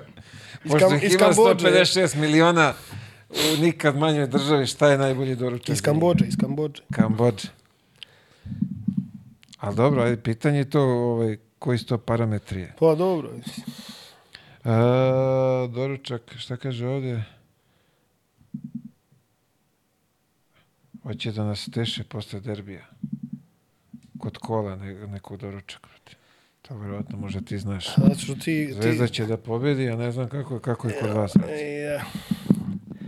Ta dvojica braće navijaju za zvezdu, što drže tu brzu hranu kod kola. Znaš, I onda tu dođe malo prođakan sa njima. A, zato je to to tako, a? Pa, bravo. Pa, bravo. Vidjet ćemo, probat Pozdrav za ćemo. braću Kolovce. Brate. To su Pa, pa. veliki zvezdaši, ali, ali ovaj, navratit ću da sumiram utisak. Ajde, probat ćemo, vidi se. E, ja volim, ja isto volim da pojedem, što bi se reklo.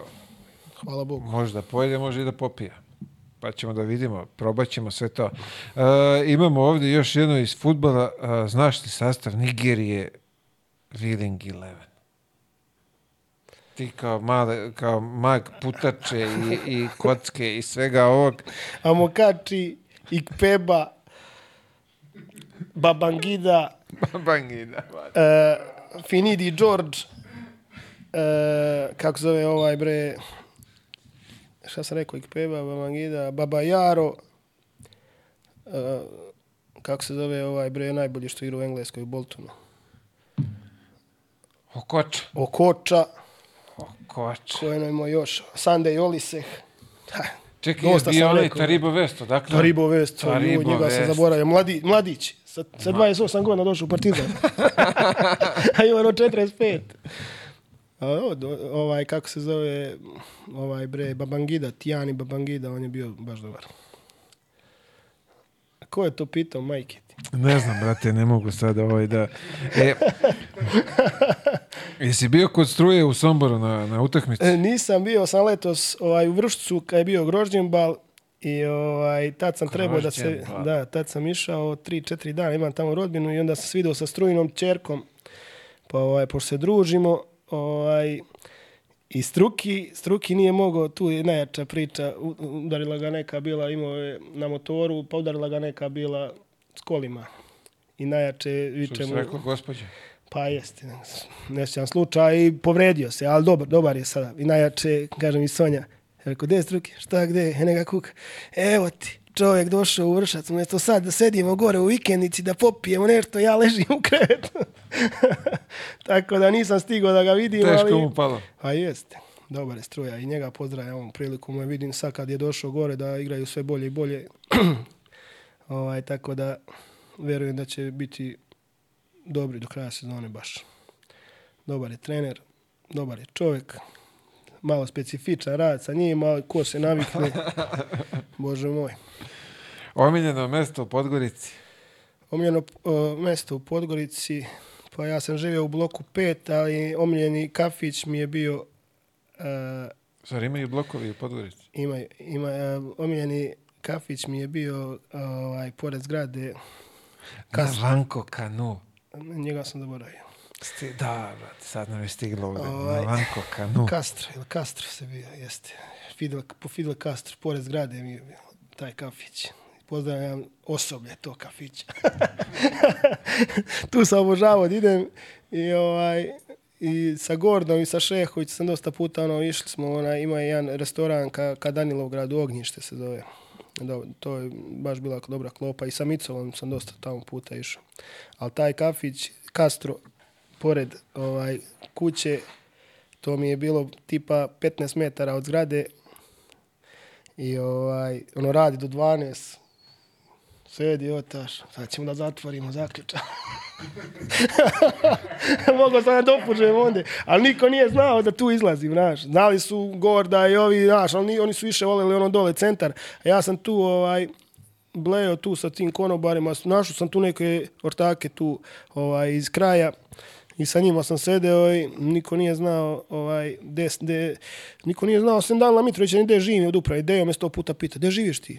Ja rekao u bloku 5. Znam da je u bloku 5 koja zgrada. Ja sam ti tamo malo, znaš. Tako da, to mi je bio neki omiljeni ovaj, lokal. Tako da, veliki pozdrav. za njih. Veliki po... za Kastra. Castro, se, Castro, pa ono bravo. Fidel kao, znaš. Fidel Castro. Uh, šta imamo ovdje? Mišljenje o rukovodstvu KK Sloboda? To malo škakljivo, Pa, se reklo, a? E, mišljenje o... Ja ne znam, evo odmah da Ne, kažem. ne, ne. Ja sam znam da je Ovaj. Raša Radovanović tamo, ne Pa znam ne, ni šta ja sam je. sa svima njima dobar, ali ovaj, evidentno nema mjesta za mene, tako da imam ja i dosta dobrih prijatelja i dan danas tamo u Slobodi, sa Rašom sam sve super. Nisam se ja ni sa kim pokačio i posvađao da se ne pričamo, jednostavno nismo našli zajednički jezik da, da ja budem tamo ko što bi prirodno i trebao da budem, tako da sve najbolje želim Slobodi, želim da pobeđuje. Ako to misle neko drugačije da treba da nikad u životu nisam želeo Slobodi ništa loše. Bravo. Uh, Vlada Lučić, trener Slobode. Pa Vlada Lučić je tu drugi put. Bio je, ovaj, bio je kad sam ja igrao dve sezone, jednu u B ligi gdje smo ušli u prvu ligu, KLS ligu, drugu sezonu kad smo igrali u KLS ligi, ovaj, sarađivali smo tu, manje sam igrao u, drugo, u toj drugoj sezoni jer sam im bio povređen. Tako da, ne znam šta, ne mislim ništa loše. Šta. Mislim, tamo posla da mislimo nešto loše. A, šta imamo ovdje zanimljivo? Imamo zanimljivo, a, šta ti je ostalo kao u sećanju najbolja utakmica u, u karijeri? Pa, pojma ni ja. Mislim, bila je duga karijera, dobra, teško je izdvojiti sad nešto baš da je ono kao i... Pa sad, pa da kažeš neka, imali smo jednu utakmicu za, za neke kvalifikacije, ovaj, dvomeč sa Galatasarajom kad se igra u budućnosti za, za Evrokup. Sad Galatasaraj, Gurović, Bešok, eh, Andrija Žižić, eh, Dejan Milojević, Uf, uf, uf. Šampert, nikad jači. I mi vamo, veselnici, sa Dejom, ovaj, igramo tamo ovaj, u, u Istanbulu, ali smo igrali u hali Daruša Fake. Sad mi ono gledamo, ti prvi igraš prvi put s takvim igračima, pred takvih igrača, mislim, znaš kakva je to ekipčina. I sad ono predstavljanje, ovaj, predstavljanje ekipe i sad ono Milan Gurović, oni mu tapšu ovo, ono, znaš, ništa, nešto, sve ih izređaše i najlazi ih Husein Bešok, naš on kapiten. I kreće. Husa, Husa Bešok, Husa. Mi se istežemo i ovako odskačemo. A Radović se iznervirao i gleda, alo bre, isteži se. I mi, brate, on, koliko smo ono, bili pod utiskom, ono, krenu da nas, da nas gaze baš. I, brate, mi se nekako vratimo i mi ti izgubimo tipa dva razlike. Mi ono srećni idemo, ovaj, glupo se radi, još izgubio si, ali ono, 40 razlike je bilo u Podgorici za nas. 40, 40 razlike. Ju, ju, ju, ju. Znaš koje je raskantavanje? I to mi je da kažeš, no, je plasman u, E- u Eurocup, tako da je bilo baš dobro. Nisam ja nešto igrao, ne znam ti kako, ali mi je baš ostavila dobar utisak jer smo pobedili ekipu. Znaš šta je bio Milan Gurović? Pazi s tim imenima koji si nabrojio Dejan sada. Milojević, uh, Andrija Žižić, razumeš, Husein Bešok, bio, bilo crnaca još, amerikanaca, baš dobra ekipa i mi smo ih izbacili. Wow, svaka čast. Uh, imamo ovdje, da li imaš ambicije da jednog dana imaš svoj klub? Pa ne, imao sam ambicije i krenuo sam ovaj, sa nekom školom košarke, mislim, svojim klubom, Point Guard se zvao, ali je e, zaživeo pet mjeseci i onda je došla korona i onda sam ovaj, se spojio sa, sa klubom kom sam ja ponikao sa playoffom i sa Srejom Đurićem, ovaj, vlasnikom kluba. A spojio sam se najviše zato što sam naišao na prepreke ovaj, i saplitanja što se tiče termina u gradu, u salama i tako, razumiješ. Jedna cena je bila meni, a nekim drugim klubovima druga, tako da odustao sam. Što bi se reklo, Srbi smo kod Ajde da nas je kažem, pošto imam ambiciju, budem trener, tako da ne bi mogao ni da se bakćem baš oko toga. je- To je posao veoma ozbiljan i papirologija i vođenje kluba i zakazivanje utakmica. Mi ovako, kad si trener, dođeš na utakmicu ili na trening i tako da je to dosta bolje i lakše. Po meni. Razumem te, bro, da. Nije prijatno, ali... Ma Nažalost, dobro, ima i ali ko hoće time da se bavi, moraš da bude spreman uvijek. I, Ne, ali e, loše je što takve neke stvari su Tako je. zastupljene u ovom društvu. Tako je, veruj mi. ali dobro.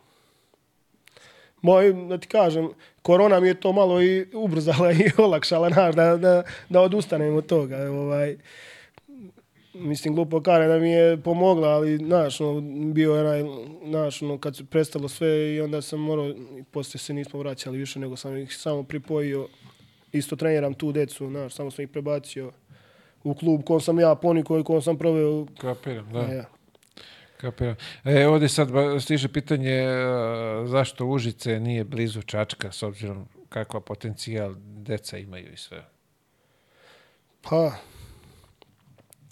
problem u tome što ovaj, problem i do dece što nisu baš previše ambiciozna i problem je što eh, ovi manji klubovi u Užicu šta god da neko napravi ili nešto taman malo ispliva, odmah ga uzima ili Sloboda ili neko drugi. Tako da ne, nemaš, nemaš uslove da ga zadržiš i roditelji kad vide jedin decu traži neki veći klub odmah pakuj kofere, ne možeš ti detetu reći, "E, ne možeš da ideš. ovaj nije to sad neki viši nivo pa imaš ono da mu zabraniš da ga nešto suspenduješ. A i mislim da nema potrebe za tim, tako da šta god da napravim, ja imam jednu ekipu ovaj, juniora 2006. 2007. godište koji pre tri godine nisu znali da idu. Bukvalno smejali mi se svi kad dođem ja sa ekipom, gubim svih 40-50 razlike. Pa onda prošle godine isto gubim od slobode isto 40 razlike. A onda dođem ove godine i ta ista sloboda mi traži četvoricu tih. Pa čekaj, prijatelj. Pa ja, oni što si mi se smejao prošle godine, ja napravih nešto ti, ja hoćeš da ih uzmeš, a smejao si mi se, razumiješ? Tako da, znaš, ja ne mogu njih da zadržim i ne mogu da im ponudim nešto više. Ja mogu da im ponudim dobar rad, ali to decu ne radi. Oni hoće da igraju. Ja nemam mogućnost da igram protiv Partizana i Zvezde jer nemam prvi tim u višem rangu. Razumeš, moraš da imaš prvu srpsku najmanje da bi mogao da igraš jedinstvenu tu super ligu, ne znam ja kako se to zove. I sad to Sloboda ima i onda Sloboda uzima od svih. Što je i realno i ja sam za to da ima saradnju. Ali i ta Sloboda treba bolje da radi. Realno se ne radi, ne stvaraju se igrači. E, ali to mi je zanimljivo s obzirom da je i, i Raša Radovanović dole i da to sad u poslednjih nekoliko godina i nešto ja ti se kažem dešava najiskrenije da ovako, se... znači Raša kad je došao, stvarno je podignuto na mnogo viši nivo nego što je bilo. Ja se sjećam sezone moje u B ligi gde nas šest uh, ili sedam trenira i dođe Šeki bio trener uh, mladen i čovjek se skine on i pomoćnik da bi radili akcije, razumiješ? Oj, oj, oj, oj. I toliko smo se i žrtvovali i radili za džabe. I sad došao je Raša i podignuto je to na mnogo viši nivo i to sad izgleda kao ozbiljan klub. Ali ja kažem da, da se loše radi sa mlađim kategorijama. Kapiram, da. Razumeš? I najnormalnije je da ima saradnja drugih manjih klubova i to je sasvim prirodno da ja iz Urca kao play-off dajem slobodi. Što bi davo ja Partizanu ili Zvezdi. Nek ide u slobodu, naj, najnormalnije je da ide tim tokom, pa i slobode ideš dalje. Ali problem što e, sloboda dođe i interesuje dva igrača, nam uzme celo godište. Razumeš? Da, da, da. I onda tamo ne iskoriste ti celo to godište i onda se pola dece te e, ovaj, razočara i prestane da trenira. A ja vam ostak bez 15 njih. Da, da, da, da, da. to je po meni loše, što, ali ajde da kažeš, zadnjih godina su malo i smanjili to, ranije je to bilo više, uzmeti celo godište, ti ostaneš bez godišta. jer u Slobodi se ne naplaćuju članarine, jer to je gradski klub, a vamo u ovim privatnim klubovima mora se plaćati članarine, razumiješ? I sad i onaj roditelj gleda, ha, uf, vamo se ne plaća, ajde vamo, znaš. Ali ne plaća se uopšte u Užicu kao na, na tom nivou kao što se plaća u Beogradu. Ovdje ti je članarina 8.000, a tamo kod nas 2.500-3.000 dinara. Razumiješ? Ali dobro, mislim. Vidi, mnogo je tih nekih stvari koje, koje nisu... Ne, sloboda dosta, treba dosta, i- je, dosta je gore i super što je gore i, znaš, bolje je u odnosu na pre 6-7 godina, dosta je bolje.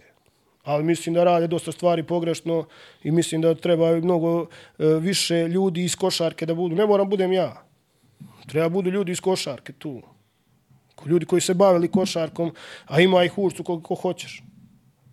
Koji, koji znaju košac, koji znaju da prepoznaju nekog košarkaša ko ima potencijal. E, pa odeš gore negde, nemam pojma, nije u Novu Varošu, u Prijepolje, gledaš utakmicu svoje ekipe, pa vidiš tamo nekog zanimljivog, pa kažeš, ajde da vidimo neku saradnju, da ovaj mali pređe kod nas i ima potencijal. A, mislim da ljudi iz košarke koji se nisu nikad bavili košarkom ne mogu to da prepoznaju. Da, da. Razumiješ? A, a, Što je najgore, mnogo je takvih ljudi. Pa u svim- u svim Ovaj, klubovima. To je... Ja, Nebitno koji je sport u pitanju. Pa jasno, znači, jasno. mnogo je takvih likova koji su tu negde, guze se bez, bez ikakvog povoda. brate. Nažalost. A, imamo ovde, a, šta smo imali nešto za, za, za, za Užice, to je vezano bilo za, za, za, za ove mlađe kale, a, kategorije. E, imamo ne, nešto pitanje za završnog turnira prošle godine protiv Vlade Panića.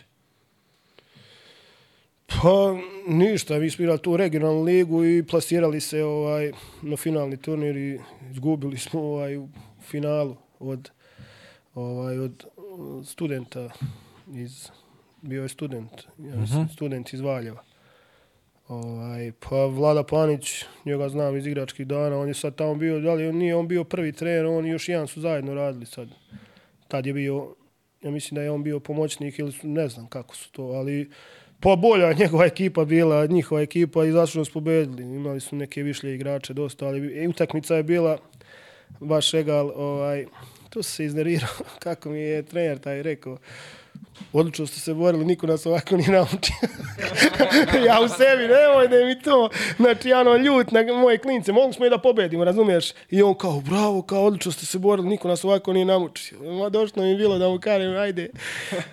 Ali dobro, mislim, nije čovjek sigurno mislio ništa loše, ajde. Ne zamjeram ja to, nisam, nego mi je ostalo upečatljivo jer sam bio nervozan što smo izgubili, to je bilo na kraju baš ono tesan rezultat. I ja, ono, ja mu čestam bravo i on kao svaka čast, dobro ste se borili.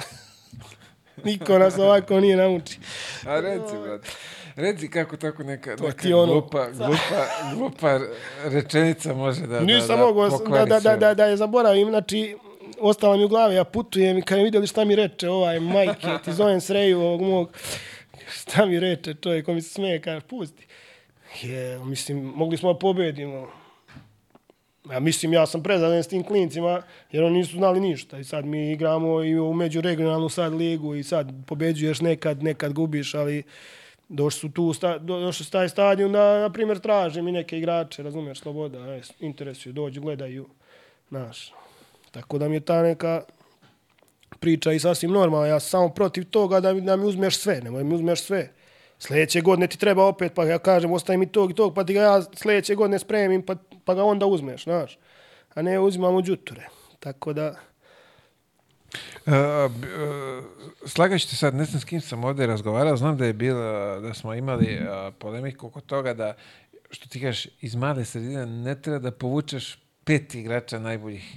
Povuci jednog. pa ja, A onda će ovi da se pa ja, da- i onda će oni da rade da bi osposobe da bi bili spremni za sljedeće. bolju ulogu i onda i oni sljedeće godine dođu i oni, razumiješ? Pa to tako i jeste. Problem je što to je radio FNP, ono 90-ih kupovao džuture sa svih strana. Svi su tad igrali u FNP-u.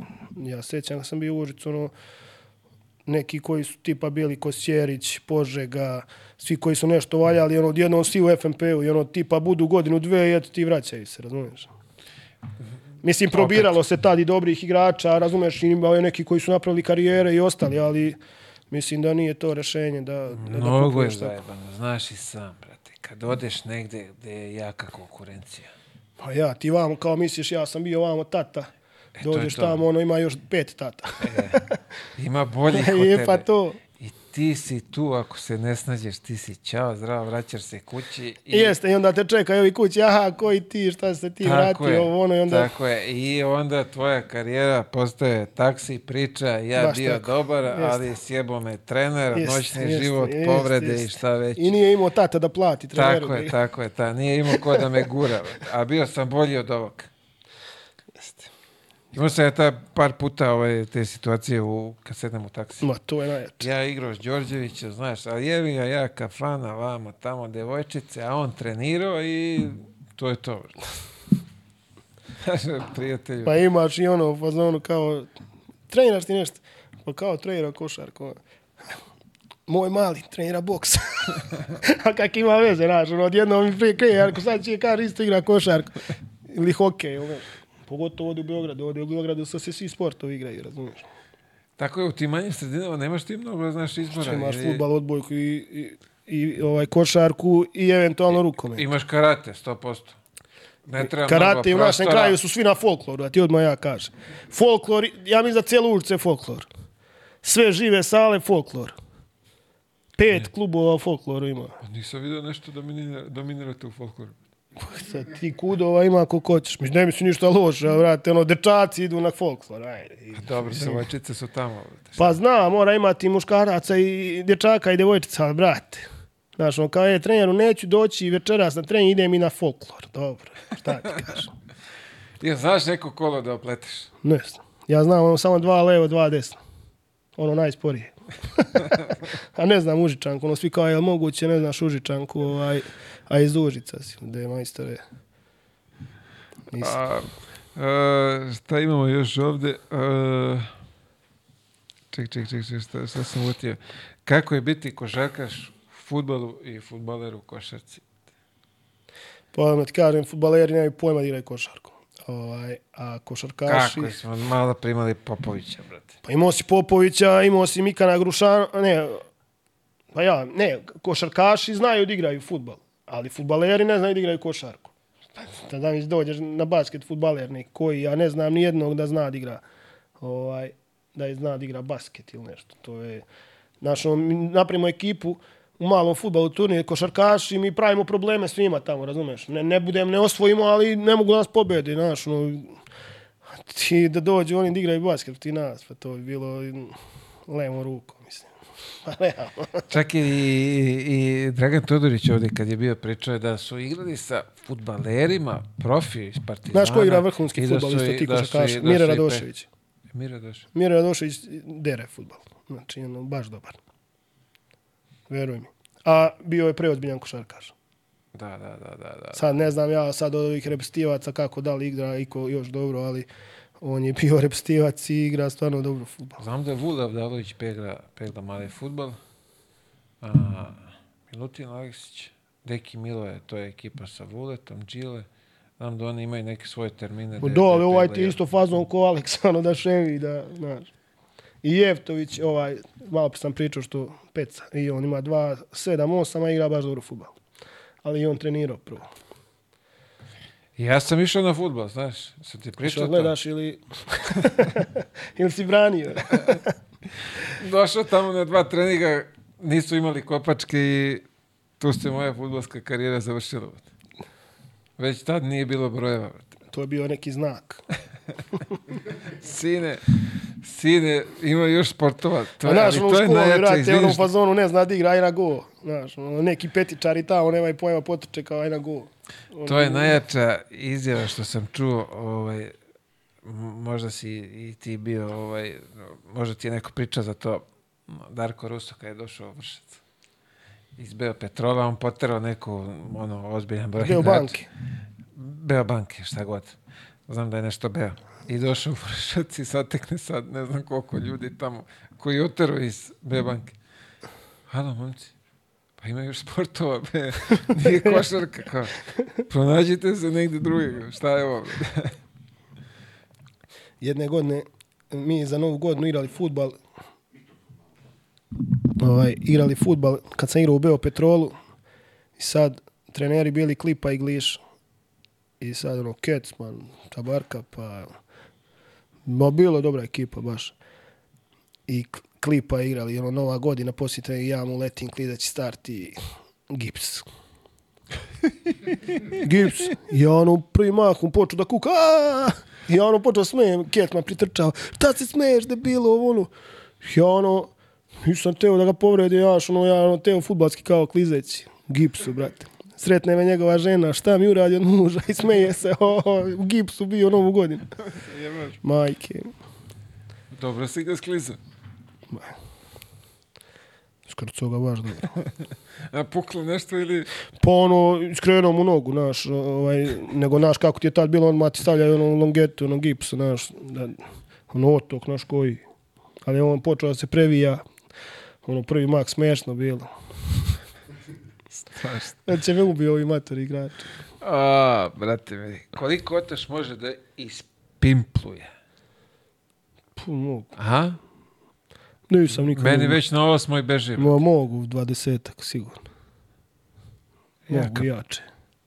E, nije to baš sad nešto. Nisam baš toliko drvo da ne znam ništa. Je. Je, da li ste pustili Palanku Pazar? Ček, ček. A, da su pustili Pazar, ne bi ušao u KLS. E, jeste, to je bilo, to je bilo ovaj, jed- jedne godine kad smo igrali ulazak u viši rang i sad ovaj, bilo je ono u fazonu ako nas pobedi Palanka ovaj, na našem terenu, ona će duđe, a neće ući pazar. Ja nisam dao, nego smo išli da pobedimo i na kraju je ušao pazar mjesto Palanke. Ja nisam dao. Si lupio šakom od stola. Nisam lupio šakom stojom, jer, su samo, jer su naš, naš kako ti je tad bilo, kao je nude, nolko, volko, mislim, nude. To se tako pričalo. Nismo teli da, da pustimo. I Pazar je tako ušao u, u prvu ligu. Kao drugi, a mi kao prvi.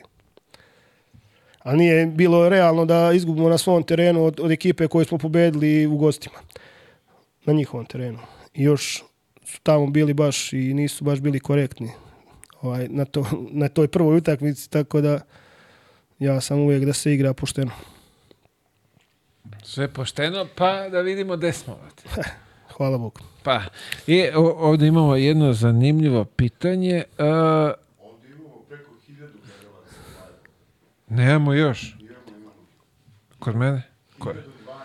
1012. Hiljadu, u, pa ja, ovo meni kasni, brate, ovo je strašno, ja već...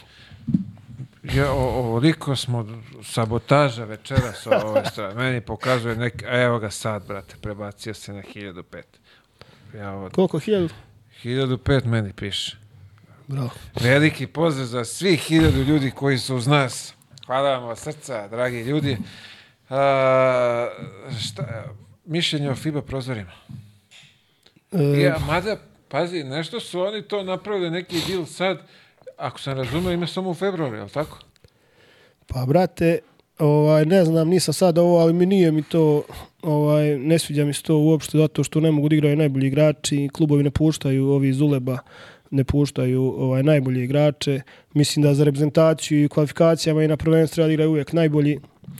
Dobro je za neke igm- slabije igrače koji su manje afirmisani što dobiju šansu u takvim situacijama. Bilo ih je kod nas dosta koji su igrali kroz te prozore, a na primjer ovako u realnim situacijama nikad u životu ne bili reprezentaciji, tako da možda bi bilo dobro da je to bilo zna, u moje vreme, možda bi ja nekad uhvatio neke. A, Pa realno ko je igrao ovaj, te neke prozore, pf, nisam ja bio daleko ništa od njih. Šalim se, nego mislim da ono treba što pre da se, da se dogovore, da, da, da se to spoje opet, da bude jedna asocijacija, da ne bude podele i da, da igraju uvijek najbolji igrači. I onda imaš realne rezultate. Imao si situaciju gde, gde ova prvak Evrope, Slovenija i ne plasira se na sljedeće prvenstvo zato što nisu mogli da igraju igrači, tako da sad kad si čačno to pitanje, šta misliš da bi bilo mesta za mene i tebe negde? to tebe je bilo mjesto. A, negde da malo čačnemo i kažemo, Pa kako vidi. da bude za mene mjesto? Ja kad sam igrao ono da kažeš najbolju košarku ono fazonu na playmakeru Rakočević i nemam pojma ja Jarić ono poslije njih odmah vamo Teodosić i Pazi, pričamo sad, pričamo o, o, o, o, o, o kako se zove, Euroligi. Da je u vreme kad smo ja i ti igrali, uđi Miške slobodno sad, brate, ovaj, da smo, kad smo igrali Euroligu, to jeste, kad smo mi igrali prime time, Ja, ja. tako to, ovi što vole sada to kažu, brate. da, da. da su bili prozori, možda bi se ogrebali za, Po za, ne, 100%. za neki nastup Bi više u sigurno, bi reprezentaciji. sigurno, bi sigurno. Pa ja kažem sad, e, ovaj, znaš šta će reći, kao lega što mlati. Pa, imaš dosta igrača danas koji ne zaslužuju da igraju Euroligu, a igraju igrom slučaju Euro, Euroligu. Glupo sada imenuje, ima ih ko hoćeš. Realno ni- nisu taj nivo. Vidi, to je bilo u, tom datom momentu, ti bolje nemaš na raspolaganju. Dođi, sine, odigraj, odi, Jeste, pomozi jeste, nam. pomozi, jeste. Takva je situacija, znaš da nećeš ići ni na evropsko, ni na svetsko, ni na olimpijadu, gde god. Jeste, Sad jeste, nam ali trebaš. pomozi državi. Na. Tako je to. A, show. Vratit ćemo ti. A slušaj, evo kad spomenuo reprezentaciju, sad možda 2011. 12. ja u Hemofarmu i, i ovaj, počele pripreme, reprezentacija se priprema da, da li evropsko, šta je bilo 2012? 12, ne znam, e- evropsko ili svetsko. I dolazi Heon Fan da igra utakmicu prijateljsku protiv, ovaj, protiv reprezentacije. U Šumicama, zatvorenog tipa utakmica. I ono vamo šutalo, Jerry Jeremić, ja, Laki Nešović, pa, bili su tek ovo priključeni Dangubić, Mitrović, eh, onaj mali Krstić, ma, Panta, ovaj, Mladen, brate, mi onako solidna ekipica, vamo Teo, Savan, Krle, ovaj, znaš koja ekipa, Erceg. mi uvatili reprezentaciju, razvali smo ih, brate. Naš, ono, mi se rastrčali, oni izgleda smorili se veselnici, naš, ono, kao ajde, više prijateljske utakmice. I ovaj, on, Lambić tamo, ovaj, ja mali, ono, krade pet puta loptu tamo ovim playmakerima, ovaj, u prevođenju i sad time out ono se sve čuje. I kao Duda, dere se tamo, i da ste normalni, šta vam rade, ovo, ono, znaš, dere se, sve čujemo. I samo Savan kaže, daj bre Dudo, koji ti je klinac, pa oni da su neki indijanci, ti ih ne bi doveo od igra, ti naš. I tu se završio time out. Pobedila je reprezentacija posle, ali ostalo mi upančeno, znaš, ono, Savan u fazonu, mislim da je bio i kapiten tada, moguće, on ili Krle, ne znam ko je bio kapiten, ovaj, ali je rekao, daj bre Dudo, pa oni da su neki indijanci, ti ih ne bi od igra, ti nas, znaš, fazon, čovjek u pravu, ali, znaš, pak reprezentacija treba da samenje hemofane. Vidi, A- ali dobra, dobra Ali desilo se, to, se nama desilo 2005. Pred ono evropsko Ja, ono što je pričao Boki, E, jesu nas zvali tad kao FNP, jedina opcija, ta, da li tad nije bilo ekipa za vama tamo, a ti znaš u železniku, ono, brate, kreneš u junu da treniraš, To pa borac i Čačak i FNP je najbolja forma u septembru. u septembru najspremniji, Tip top, brate. U januaru već puca To sve. borac dobija panatniko sa peške. znaš. I mi smo bili ta ekipa ko- koja smo otišli u Novi Sad. Posljednja njihova provera pred svetsko, pred evropsko prvenstvo.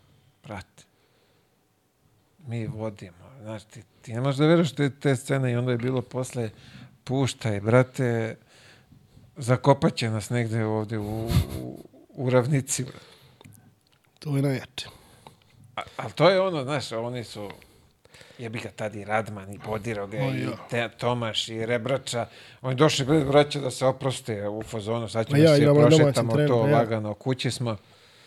Mi došli napaljeni klinci, dokazivanje, znaš, kao, igraš protiv svojih nekih uzora i dola, šta god to bilo u tom momentu.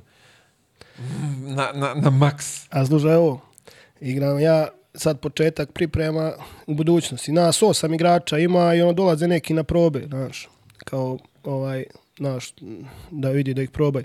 I sad u istom trenutku smo na, na Cetinju, jer nam je Dejo trener, ali Dejo je pomoć trener u reprezentaciji kod Uleta Vujoševića. I sad reprezentacija je tu i mi smo tu. Igramo prijateljsku utakmicu. Prvo sam ja došao u nekim plitkim patikama, sad ja ku- kupio plitke patike da igram u njima, znaš, neke kožne, ali sad ja zagrevam se i vidim, ja gledam nešto Dule Vujošević i ovako govori Radonjiću nešto na meni. Ja, šta li sam sad uradio? I zove me Dejo kao, jesi ti, jesi ti zaboravio patike ili si došao u tim da igraš? Rekao, došao da igram, ovaj, ovaj kupio danas. A, dobro, on viče Dule tu Vujošević, ja Dule kao, dobro. I kreće utakmicom. Kuk, Peković, Dašić, nemam pojma, Jeretin, Bakić. Razvali smo ih nas osmorica, brate. ne smijemo da pobedimo, gdje da pobediš reprezentaciju, oni idu na, ne znam, evropsko prvenstvo. Drugo, mi vodimo prvo polovreme, razvali smo ih. Drugo polovreme, ono, fazonu pušta, sklanja. Povuci ručno. si lud. Povuci Ali isto je ta fora bila, znaš, no, moraš da izgubiš. Meni je ostaće upamćeno to da je, da je ovaj, Rebračan mi otkinuo neku sekiru, brate. Ja ono, neka finta i uh, dribling i krenem da ga obilazim, brate. Znači, ruke su bile modre sedam dana. Nisam dobacio do koša. Pa to ti ono, desi pošao mali, ovo ono, ajde, oladi malo, a, a ti ako ne ideš maksimalno, ovaj ti vamo kaže, alo bre, znaš. To je to. Ti si tu negde između dva, dva neka pritiska i mora da se snađeš. To je, e, ima jedna dobra priča, ali mislim nisam ja učestvovao u njoj, ali mi je pričalo više ljudi, među ostalog pričao mi čovjek koji je učestvovao u tome. Pokojni Stepi kad je bio trener u borcu. Sad, Jolly je imao knjigu koju zapisuje kazne. I sad dovede mladog igrača i ako te probija uz out liniju, ovaj, ovaj te kažnjava odmah, 300 maraka. Ako napraviš korake ovaj, na treningu, isto 300 maraka. I sad doveo nekog Peđu Markovića, on mlađi, samo juče probio je ove matorce uz out liniju. I sad bio neki Pavle Gavrilović, to mi je pričao taj Manjinčić i pričao mi taj Peđa Marković, oni bili tu sad.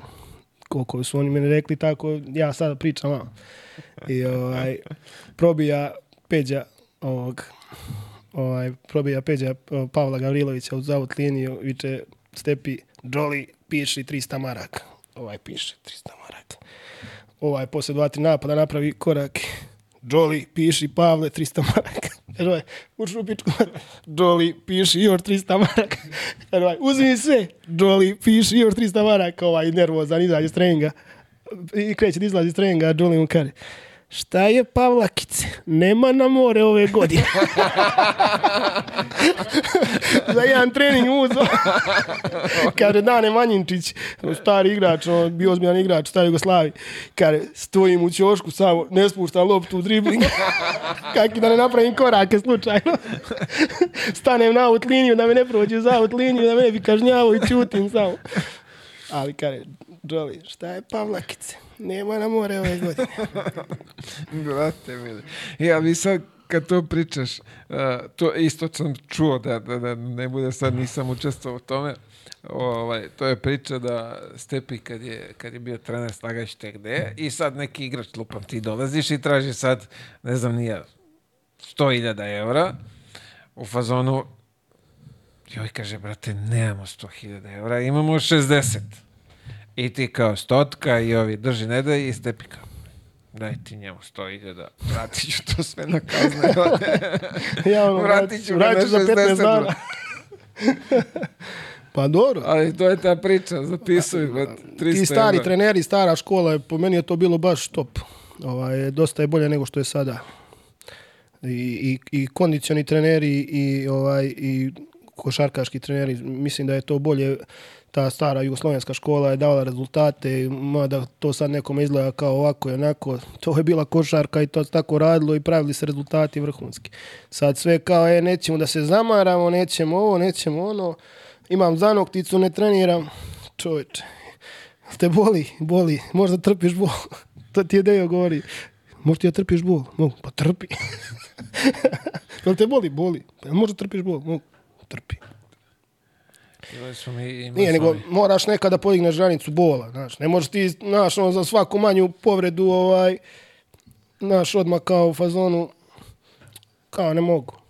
Čaki, Čakarević, moram da ispričam, on neće se ljuti, on zna da sam ja brat za njega i on je za mene povreda neka, vrate, mi igramo u Rumuniji, on Jordan, fali nam, znaš kako, i sad boli ga nešto, kao ne može da igra.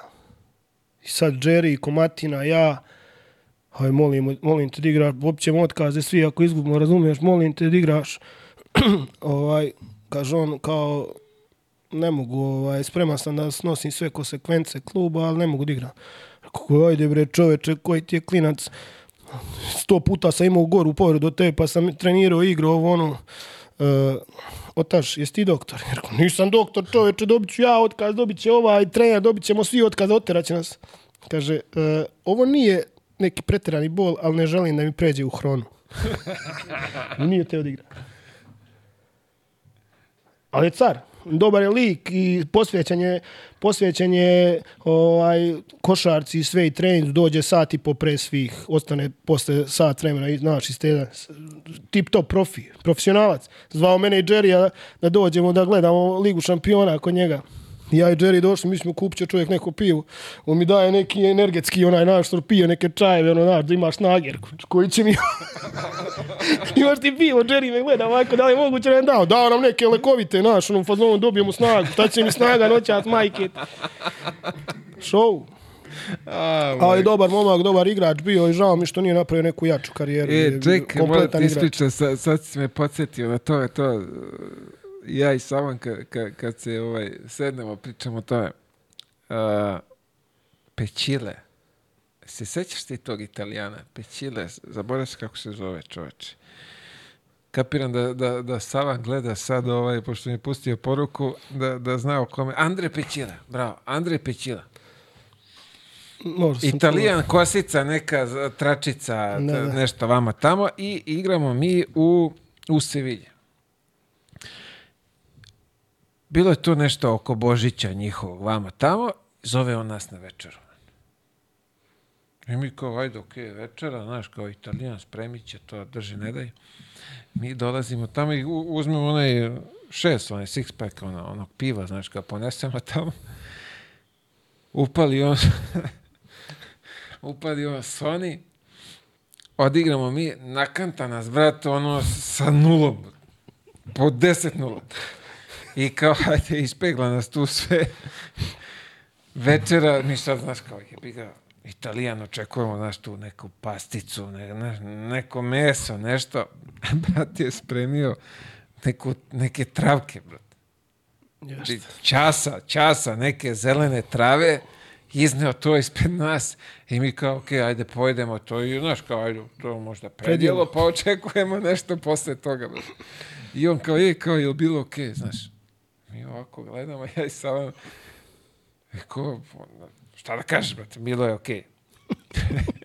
I lik nas pakuje smeće, brate. Najjači moment, brate. Da nam smeće, kao aj ponesite, Ponesite brate, na, da. nazad, brate. Znaš ti kako smo se mi smijali, brate.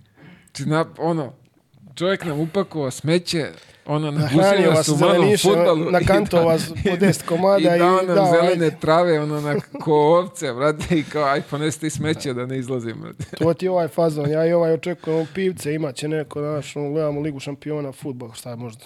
I on vadi neke sokove, brate, ono, džumbir neki ili nešto. Ne znam nija šta nam je dao, brate. Ko ti čak i šta će s ovim, majke ti.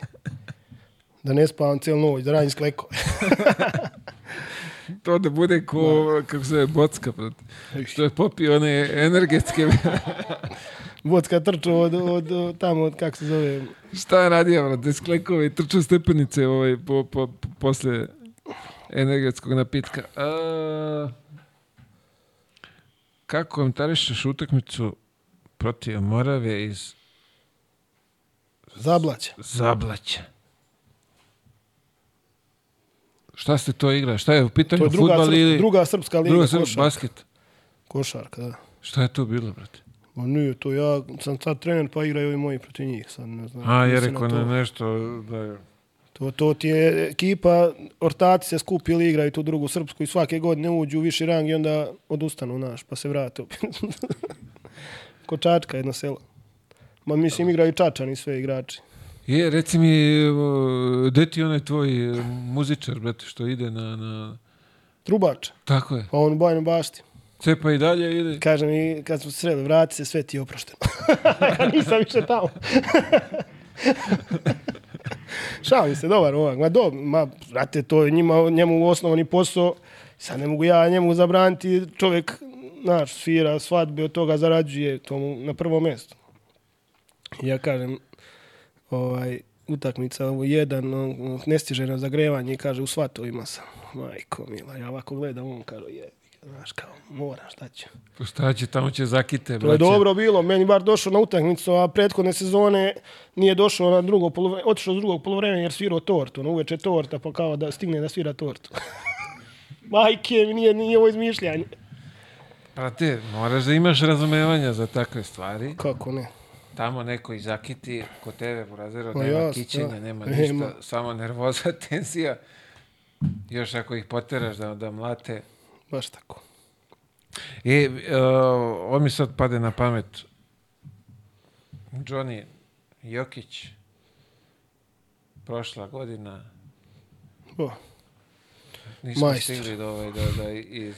ja izgu... Pa Polemišemo. sad nema šta ja da pričam, on je stvarno najviši nivo. Svi očekuju, ne može, ne može, on svaki god ne može. Tako da je to ono škola kao, košarke. je, kao, prošle godine izdominirao, sad će da, da, da podbaci. Da. A ono ne može, dalje- ne može, kao ne može izdržati. On, on ja, ja slušam tamo komentare onih košarkaša, ovaj, naš, oni kažu svi kao Mek je nešto, naš Savio, a oni svi kažu nikad jačeg protivnika, nisam imao fizički mnogo jak, naš. Tako da mislim da Nije se odavno pojavio tako superioran košarkaš da ne radi na snagu, nego da radi na glavu sve i svaku ono triple double. Najjači onaj, ko je rekao, ovaj, što igra u Bostonu, kao juri statistiku. Majster, onda juri statistiku dao po 60 poena svaku, pa je li tako? Hoćeš ja trojku, mislim da hoćeš... tu malo posle te izjave njegove, da tu ima malo više i ove rasne osnove, a? Pa moguće, ona je poznat po tome. Tako je. Pričamo o Perkinsu. Perkinsu, jest. Da. Mislim, ko, ko se sjeća, pamtimo čovjeka koji Ma, jasno, jasno. prosječna jedna onako Ja navijam za Boston, Kako pa da se jedva čekao budemo da ode iz Bostona. Znaš, to je krmača, ona prava. da budemo suptilni, da ga ne uvredimo. Ma nema šta za njega, za Jokića, stvarno svaka čast. Ovaj, najjači smo, mi smo Srbi, najjači, ono, naš, gledali smo ga, osvojio pehar, najbolji si, brate, o, Bog na nebu, slike svi izbacuju, ovaj preko stra objavlja nega za reprezentaciju, onda, o, u, kaka stoka, neće ti igra, kao, kide nek jaše konje, taki smo ti mi, taki smo ti mi, tako ti Teja Veselog, on Jordan, jedno ne igraš dobro, brzo sve zaboravljamo. Sve se zaboravlja. Sjećaš se Panter ove sezone na početku kad nije mogao dati trojku, no svaki dan pišu, nije dao još nijednu trojku, ne može ništa. Dođe Panter, odigra prve dvije utakmice, razvali, koliko nam je falio Panter. Znaš, sve se brzo zaboravlja, samo gledaju koliko vredi, naš, vredi, naš, ono, naj, ono, kao vrediš koliko tvoja posljednja utakmica. Čekaj, brate, ne treba živiš od stare slave, ali ne možeš ti zaboraviš odjednom, ima svako pravo i na loš dan, jel, pogotovo u košarci gdje je duga sezona, ne može ići stalno gore, imaš svaka ekipa, svaki igrač ima padove. Sad je stvar u tome da ti padovi ne dođu tamo na kraju kad se lomi, razumeš? A ljudi ne, ne shvataju da, da sve ekipe u jednom periodu sezone igraju loše ili svesno trener pojača trening i ovo i ono, znaš, da bi tempirali da bude to kad bude najpotrebnije. A i dosta povreda igrača. Mi ne vidimo da je onaj povređen kao je izašao na teren šta mu radim ja.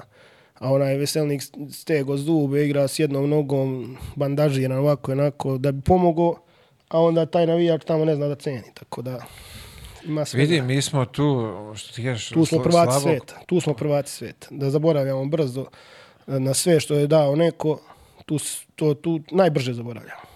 Niko brže ne zaboravlja. Nebeski narod. To. Ali niko brže ne zaboravlja. Ovaj danas najbolji, svi izbacujemo njegovu sliku na Instagramu, na Fejsu, Bog, Srbi, najveći, o, on sutradan kaže da će da odmori, da neće rezultaciju. Stoka, kaka, stoka, koji si ti Srbin, daš. Voli konje, ne voli Jeste, Srbiju, jeste, ide ide jaši tamo, konje. ide vamo, da. E, to ti je to.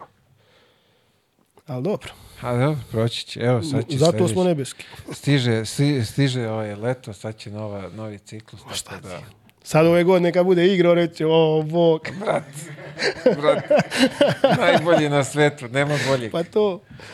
Nema boljeg. A, Tako ti Đorđevića isto i Danilovića isto, ono Danilović jedne godine isto ovaj, kad je odmarao zbog poje 97. ja mislim, isto ga napljuvali najstrašnije, e, divac isto kao odmorio, isto ga pljuvali pa se posle vrati Indianapolis, divac majst. Čekaj čovječe, to su ljudi od, krvi i mesa i Razumiješ, ne, nije to robot, pa samo ga naviješ i on cepa. Lakše ovako, ako možeš da ispljuješ nekog, izvređaš. Tu smo glavni. Mislim, prosto sve je lepo, onako i zna duše, što bi se reklo, Udri. ospi po njemu. Iako ti nemaš pojma ni kakve Ni šta je bilo, probleme ja. ima, ni stvarno koliko je umoran, koliko mu šta nedostaje, drži na... Nije Naj, igrao najjača je ona, da ide bre, ko umoran, plaćeni su toliko i toliko. Da, da, da, da, da. Ma Možda treba da nas bičuje, brate. Evo vidiš ovdje sad. Divac majstor. Viš koliko ovdje kasni. Ali, kaži ti, mi smo magovi za te stvari i, i šampioni smo u, u tome, tako da je to sve, treba imati ra- ra- razumevanje za to. Treba. Ali dobro, ovo što hoću da te pitam.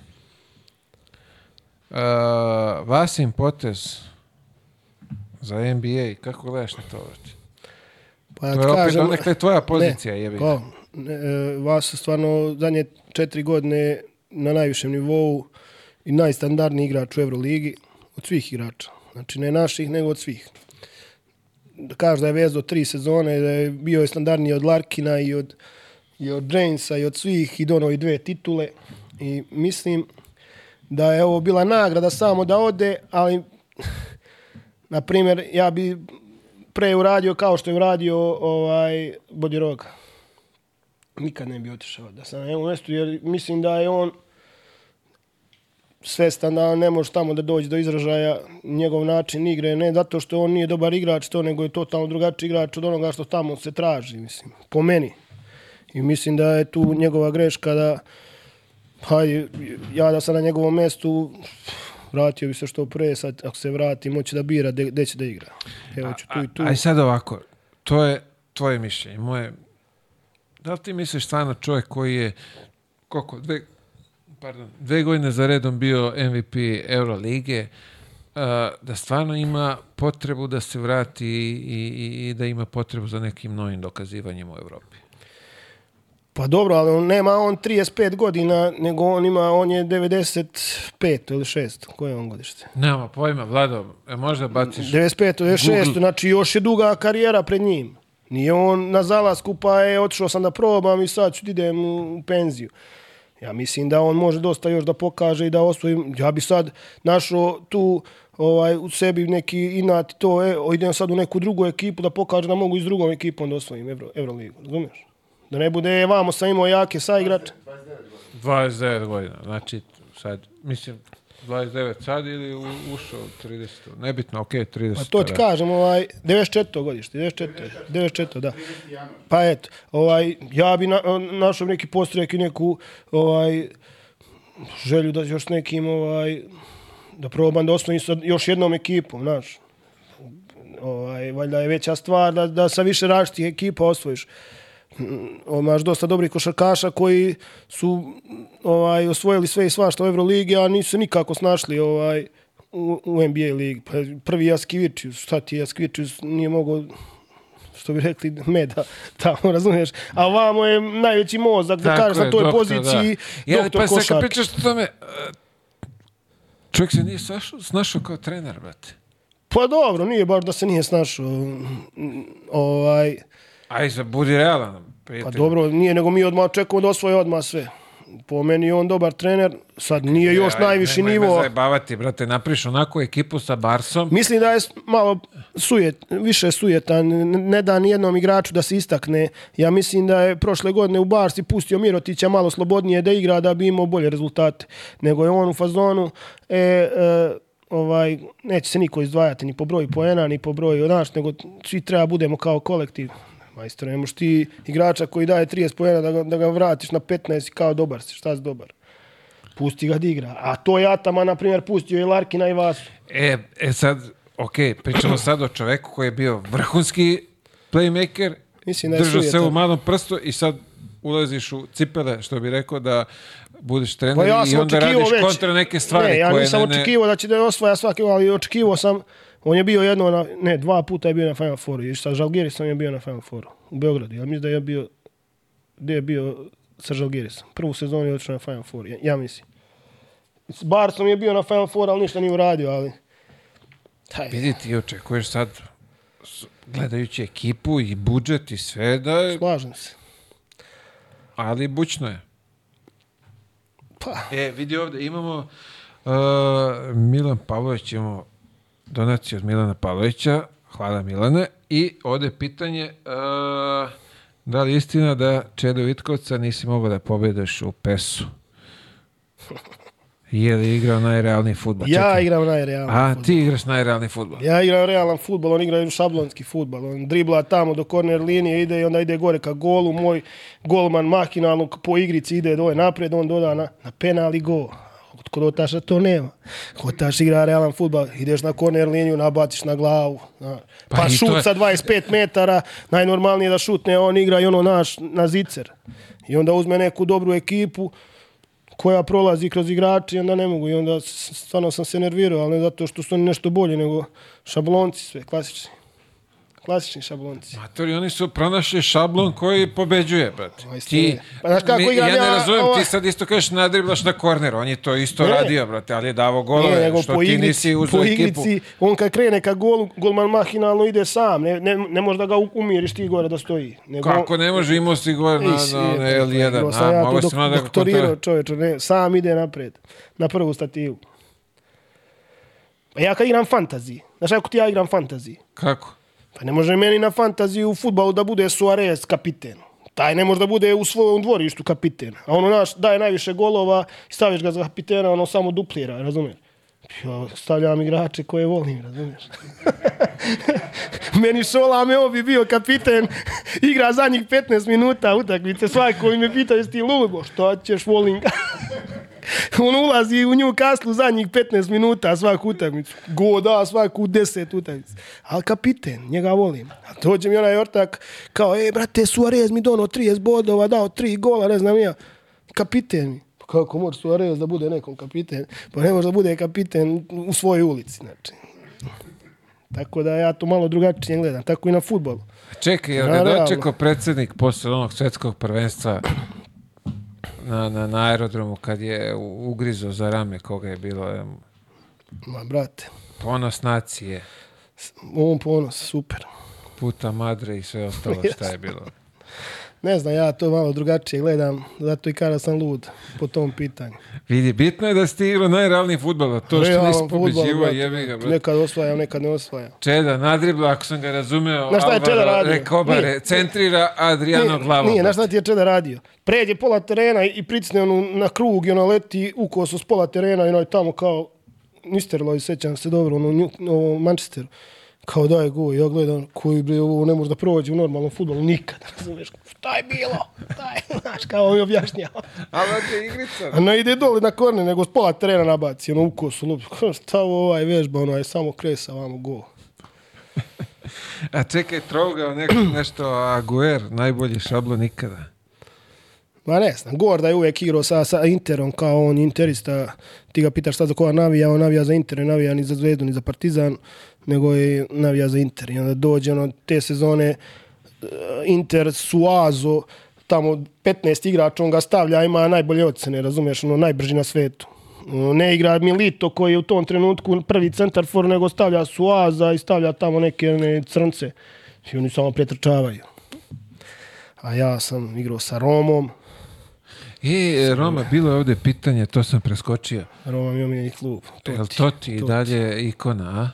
Ima sliku naš koliku uramljenu u kući, to ti. E, to je isto bilo pitanje. Od koga si dobio tu? Dobio od, dole u Leskovcu kad sam igrao, dobio od drugara. I dan ekipe. danas čuvaš, Šone, a? Šone Marković, Uroš Veličković, Đera. Imalo ih dole i kupili mi sliku Totijevu. I sa posvetom sve uramljena. Kući stoji. Koliko ima godina to? Pa 2004. možda, treća, četvrta.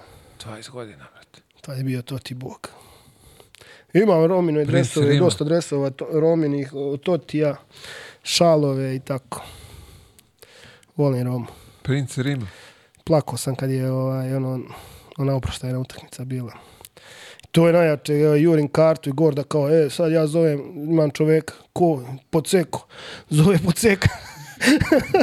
Poceko ne može da nađe, kada Gorda nađe, kao, pa kao nešto nije mogo, i kao, ali imam drugu opciju, ko zove, Gigi da tome, kao, on je odatle, brate, on će naći, i on našao, ali naš, nije našao ono, neku normalnu, ono, tipa neka cena bila za tu utakmicu zadnju, ovaj, i meni se poklopi nešto, ovaj, poklopi da sam imao neku obavezu dan ranije, znaš, nisam mogao da treba ti ceo vikend da odeš.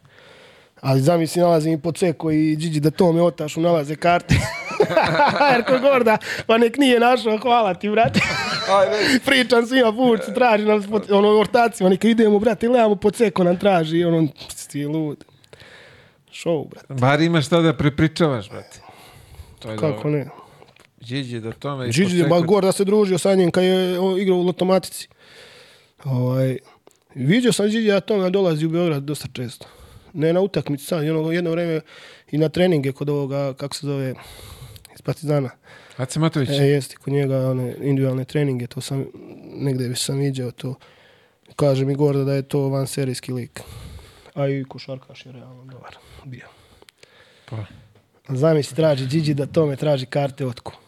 Otku paklu. Dobra priča. a da si otišao, bilo bi još jače. Pa Kako ne? A ima dobra fora, ovaj, kad je Mico igrao u Milanu i sad ja i ovaj jedan drugar otišli da gledamo finalnu seriju igra protiv Trenta, ja mislim. I sad ovaj, gledamo utakmicu, ono, došla Micova žena tu sa nama i tu neki prijatelji iz Srbije. I sad ono na poluvremenu imaš dole da piješ pivo, razumiješ, uzmeš sok, pivo dok, dok je poluvreme. I sad ja volim pivo da pijem. Sad je u tom trenutku mi si išli dole. Ajde to ime, nek si mi Aj, živi, zdravo. Ovaj. Da nazrijem. I slušaj ovo. A ovaj moj ortak ne pije pivo nikad. Ono, redko kad. Opa. I ovaj, sišli mi dole i ono kao minja meni Micova, kao šta piješ odaš? Kao ja ću Coca-Cola. Ti kao um, o, mog druga Žilu, Aca, kao ti ja ću pivo, taj prijat pivo. Kaže taj matori, ovo mom, jeli bre, gde nađe ovoga što ne pije pivo, ko je on Srbije? ja prvi put život naručio ono da nije pio. Kao, gde bre nađe ovog da nas ramoti ovde, da uzima Coca-Colu. Ja u sebi, jebote, da li je moguće da sam naručio Coca-Colu? A ovi svi oko mene piju, jebote. Ti da budeš fin, brate. A ja ono da budem fin, kao, je, okej. A ne ide, brate, ne može. Ne Kao, može, gde nađe ovog? ja u sebi, jevem ti život, šta gde nađe ovog, ovaj ne okuša pivo i on uzeo sad pivo, a ja Coca-Cola, ono, naš, volim, ali, naš, volim da popijem pivo. Spektakl. Spektakl. Imali smo pitanje ovde, šta mislimo o nedolasku Mirote u KK Partizan? Pa šta mislim, odnosno dođe, ali vidiš da je tu imalo nekih stvari, sad šta je tu od toga istina. Nemoguće da svi pričaju, svi objavljuju da je, da je sutra potpis ugovora i da sutra da ne dođe. Znači da je neko uticao na tebe sad. Šta je bilo i kako je bilo. Vidi, nećemo, Pa njegova stvar, mislim, nećemo nikad cenim ga saznati. i dalje kao košarkaša vrhunskog i dobrog čovjeka, sigurno. Apsolutno, da. Voleo sam da dođu Partizan, zato što ga volim i poštujem, a šta će? Tu je Brko ostao, nema veze. Ko je ostao? Pa Brko Ledej. Brko, brate, pobi naše i njihove, nikoga ne voli, ali ja ga obožavam, brate. Mislim, nekoga ne voli, ko ne navija za Partizan. Brate, ja stvarno vidio... Flopira dobro. Samo se Ja ne bacaka da nešto. Šta, šta s dečkom nije u redu?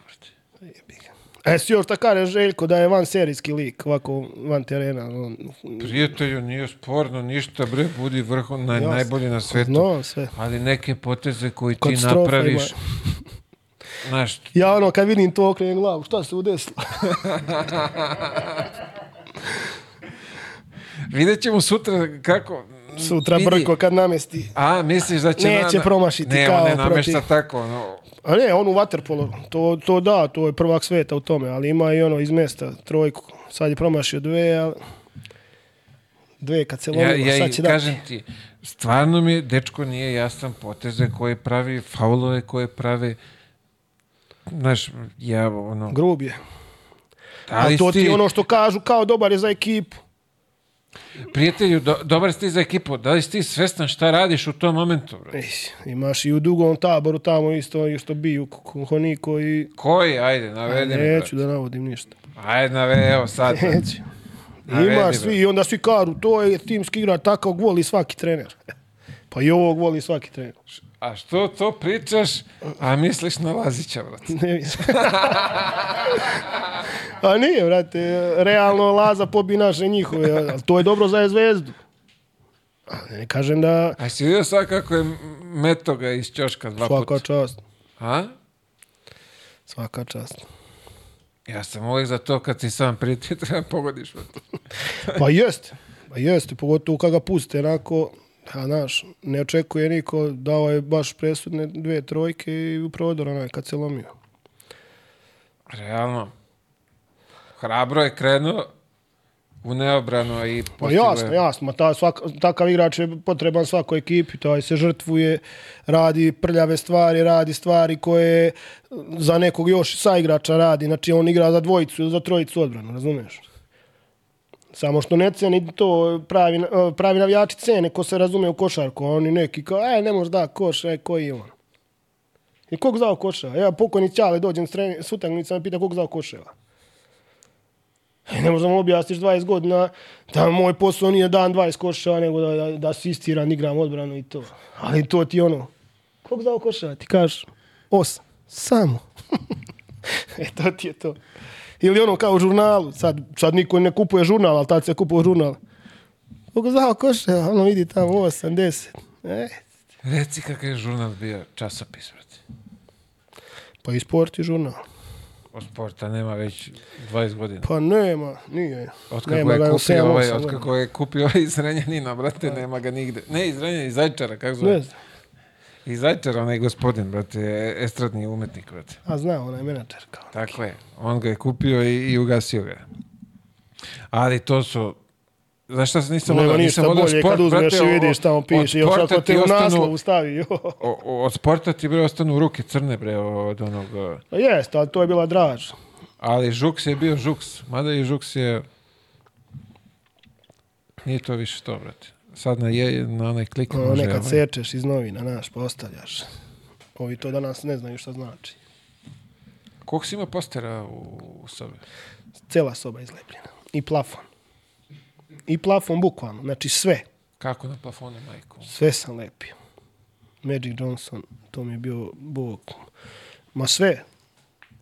Sve je... kukoča u prirodnoj visini? e, imao sam, ali ja nisam ga lepio, zato što sam tada ono, znaš, ono, jugoplastika, a vamo, ovaj, partizan i onda nisam, nije imalo mjesta za zvezdine i za tako jugoplastikine i cibonine. Pa realno.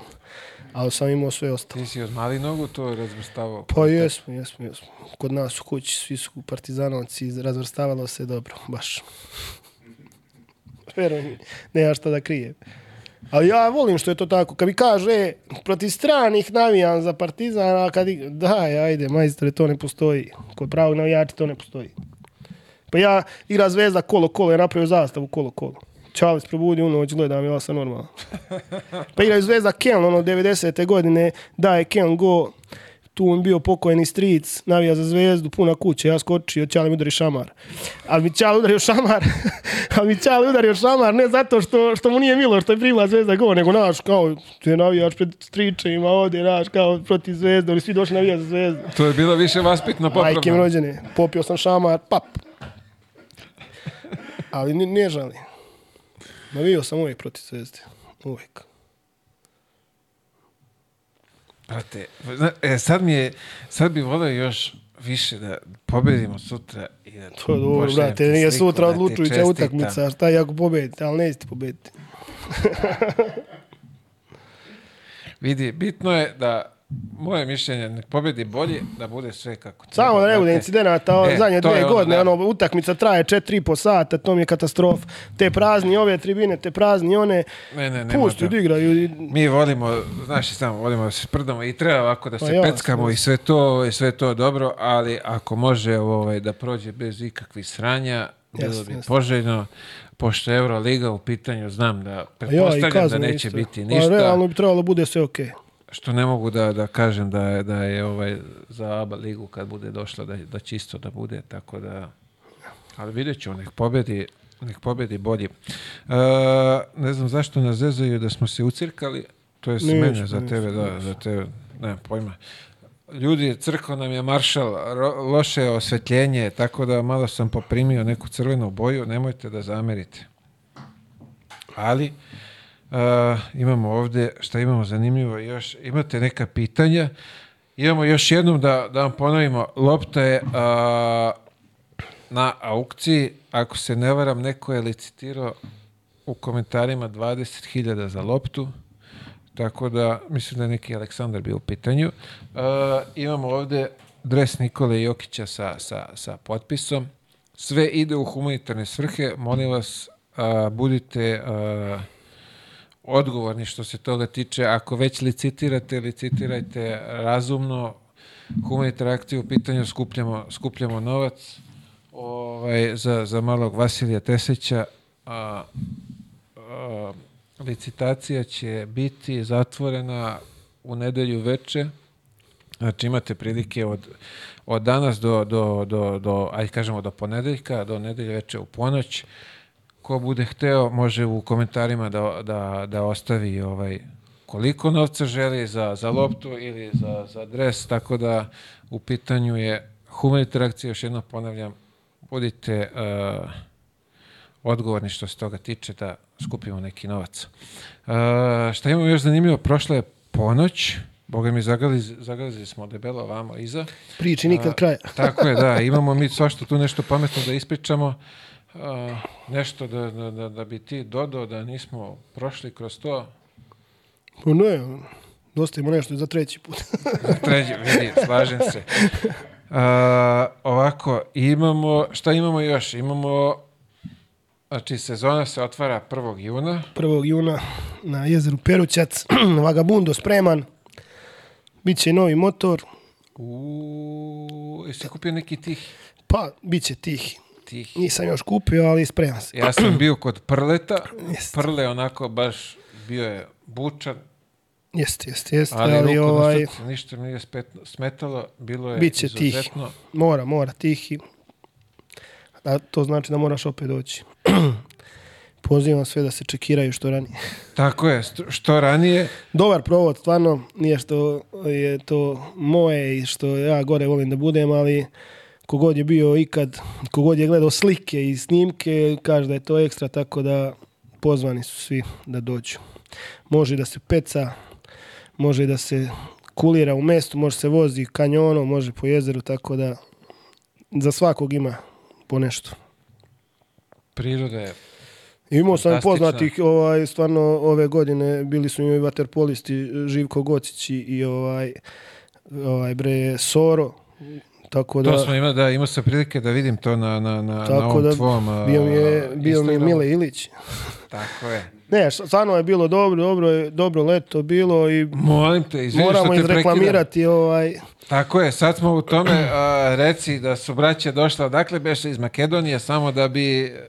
ovaj, bilo Jel iz, tako iz bilo? Slovenije i bili su iz Lebana, iz Lebana jedna ekipa koju ovo isto prilikom pozdravljam, ovaj, baš dobri, ovaj, baš dobro druženje, navijači Partizana iz Lebana, ali ovaj, bilo je dobro. Stvarno, imao sam i ekipu iz Slovenije i bivših rukometaša iz Jugoslavije sa jednom ekipom iz Lazarevca s kojima se druže, znači Slovenci, Lazarevčani, baš je bilo dobro. Imalo je baš dobrih ovaj, ekipica, tako da je dobar provod, zagarantovano, Provodi zagarantovan. 100%. Priroda je fantastična. Voda 25-6 stepeni, taman. Dobro, ne znam da će u junu bude, a? Pa, Ali može da se greje, skoči, taman. da se otrezniš. Pa, može i to. Jedan buć za otrežnjenje i onda vraćaš se, nastavljaš žurku kao nov. A, još jednom imamo a, ovako zahvalnost za Admiral Bet i, i Matijašić Vinograde što su uz nas, što nas prate, podržavaju. Takođe imamo i priliku od skora, to jest od prošle nedelje. Imate mogućnost Ja, mile podcast majice da kupite, da nas podržite. Ovako izgleda s prednje strane, ovako izgleda sa ovaj a, poleđina naša, to je ovaj jedna izuzetna firma koja stoji iza ovog a, iza brand brand jedan koji stu, pomaže ovaj kolaboraciji sa Jomile podcastom, tako da ukoliko ste zainteresovani možete pronaći na javamile.com majicu i da nas podržite u radu. A, takođe, šta bi još naglasio? Da je ovo moj gost Nikola Tašević, jedini čovjek, e, može da zamolim ovaj dupli, dakle, du, dupli da, da nas vide, jedini čovjek koji je za godinu i po dana došao sa svojim ovaj, dresom u studio, koji godinu, ne, ne koliko, osam meseci, 8 mjeseci. osam meseci stoji u ovom kutu ovaj, i vrti se zavisno od klime kada radi i kada ne radi, a kada radi klima on se okreće, kada ne radi on uhvati ovaj svoj. I sad ćete zamoliti Lado, ja ću da skinem ovaj dres i zamolit ću čovjeka da mi potpiše.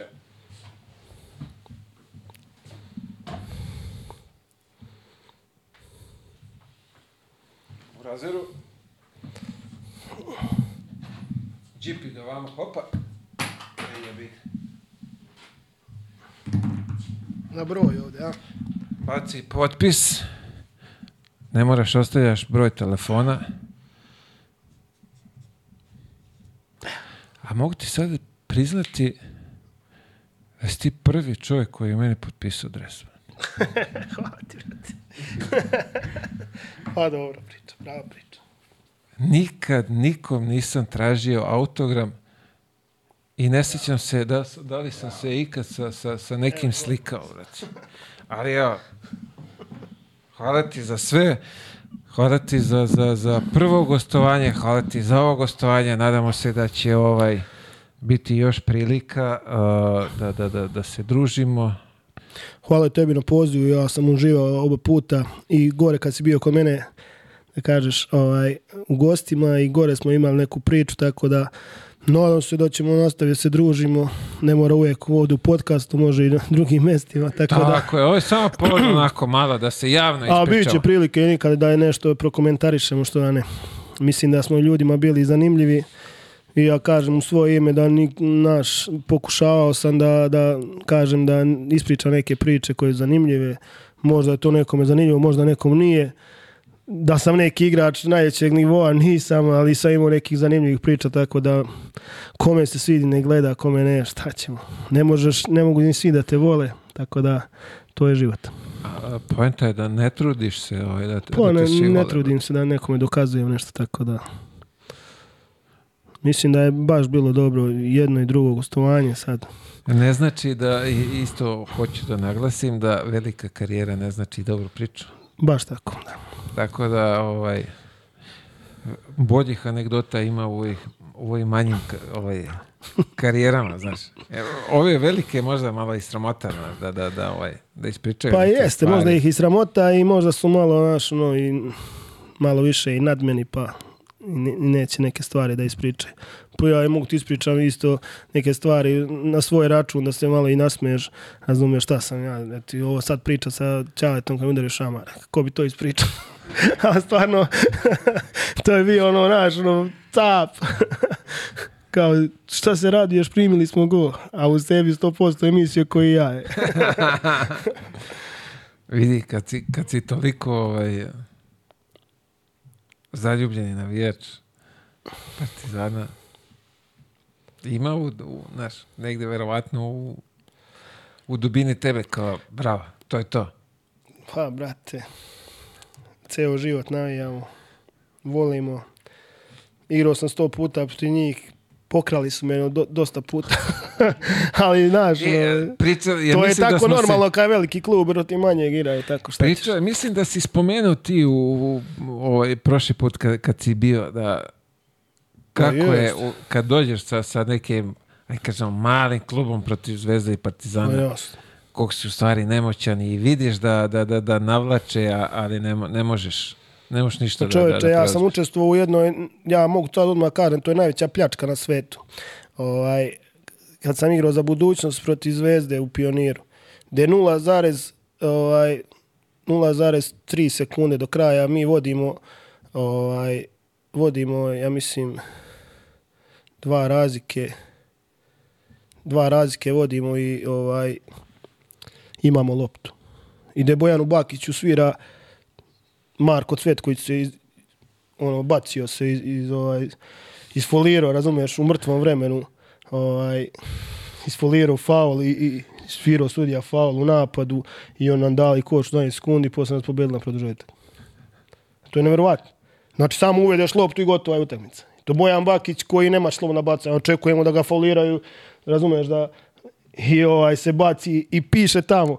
Imao je plus jedan onaj na, na ovom. Tad je ušao prvi put u igru. 0,3 sekunde do kraja. Prvi put Marko Cvetković ušao u igru. I ovaj, u mrtvom vremenu je iznudio faul i ono piše 0-0-0 i samo jedan onaj naš faul nad njim. Jel veruješ ti to? To ti je bilo možda 2007. 8. tako. Je, ti izgubiš utakmicu. I tad umalo nije bila tuča u slačionici. Kako ti sad, e, aj sad do- dotakli smo se te teme, kako ti sad da, da, da, da objasniš ovim ljudima koji navijaju za Partizan i Zvezdu tu nemoć Ne može. kad igraš protiv Njih Pa čovječe, evo protiv Partizana izađe njih e, pet i ovi na klupi, još sedam i još trener, prebiše Boga u nama, razumeš, a sudije dopuste odmah od starta, razumeš, da se igra tako grubo. I sad ko nije naviko da se igra grubo, ti zgotov. A pogotovo Partizan u tom periodu e, od 2000 tipa, od 2000 do 2012.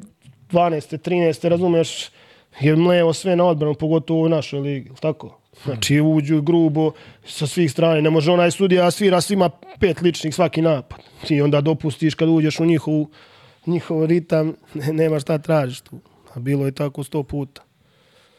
Po, gore u Ljubljani, proti Partizana na Final Fouru. Gist odvaljuje Simonovića i ono kad Đulis sa sudija samo ko u futbalu pušta. prednost. prednost. ko Raduljica, prednost. I priča za Raduljicu kad je zakucao preko svih nas. Ne. Evo, to je i završao. Igramo u Podgorici i sad Radulja igra za, za FNP. I sad prodor neki, ono, svi smo ga po jednom udarili, on zakucava, a sudija ništa ne svira. I ovi svi skaču, o, bre, sviraj faul. A Radulja trči pored naše klupe viče, prednost. ono pokazuje, znaš, kao sudije u futbalu, prednost. Ono, svi skočili s njihove klupe, kao faul, koš važi, znaš, ono, prednost. Polomio koš, sve živo. Kaos. Ali vidi to ko nije imao prilike, ljudi koji su igrali basket i koji su imali prilike da izađu s Partizanom i Zvezdom na, na, na, na, na, na Megdan. O, ja. Mo- Moraš da budeš tri puta bolji od jednih i Tri drugih da bi bio u bolje. egalu, brate. Tako je, i da uđeš u onaj posljednji O, minut. ja, ja, kao- budeš, da bu- budeš ravnopravan da slučajno pobediš. A realno.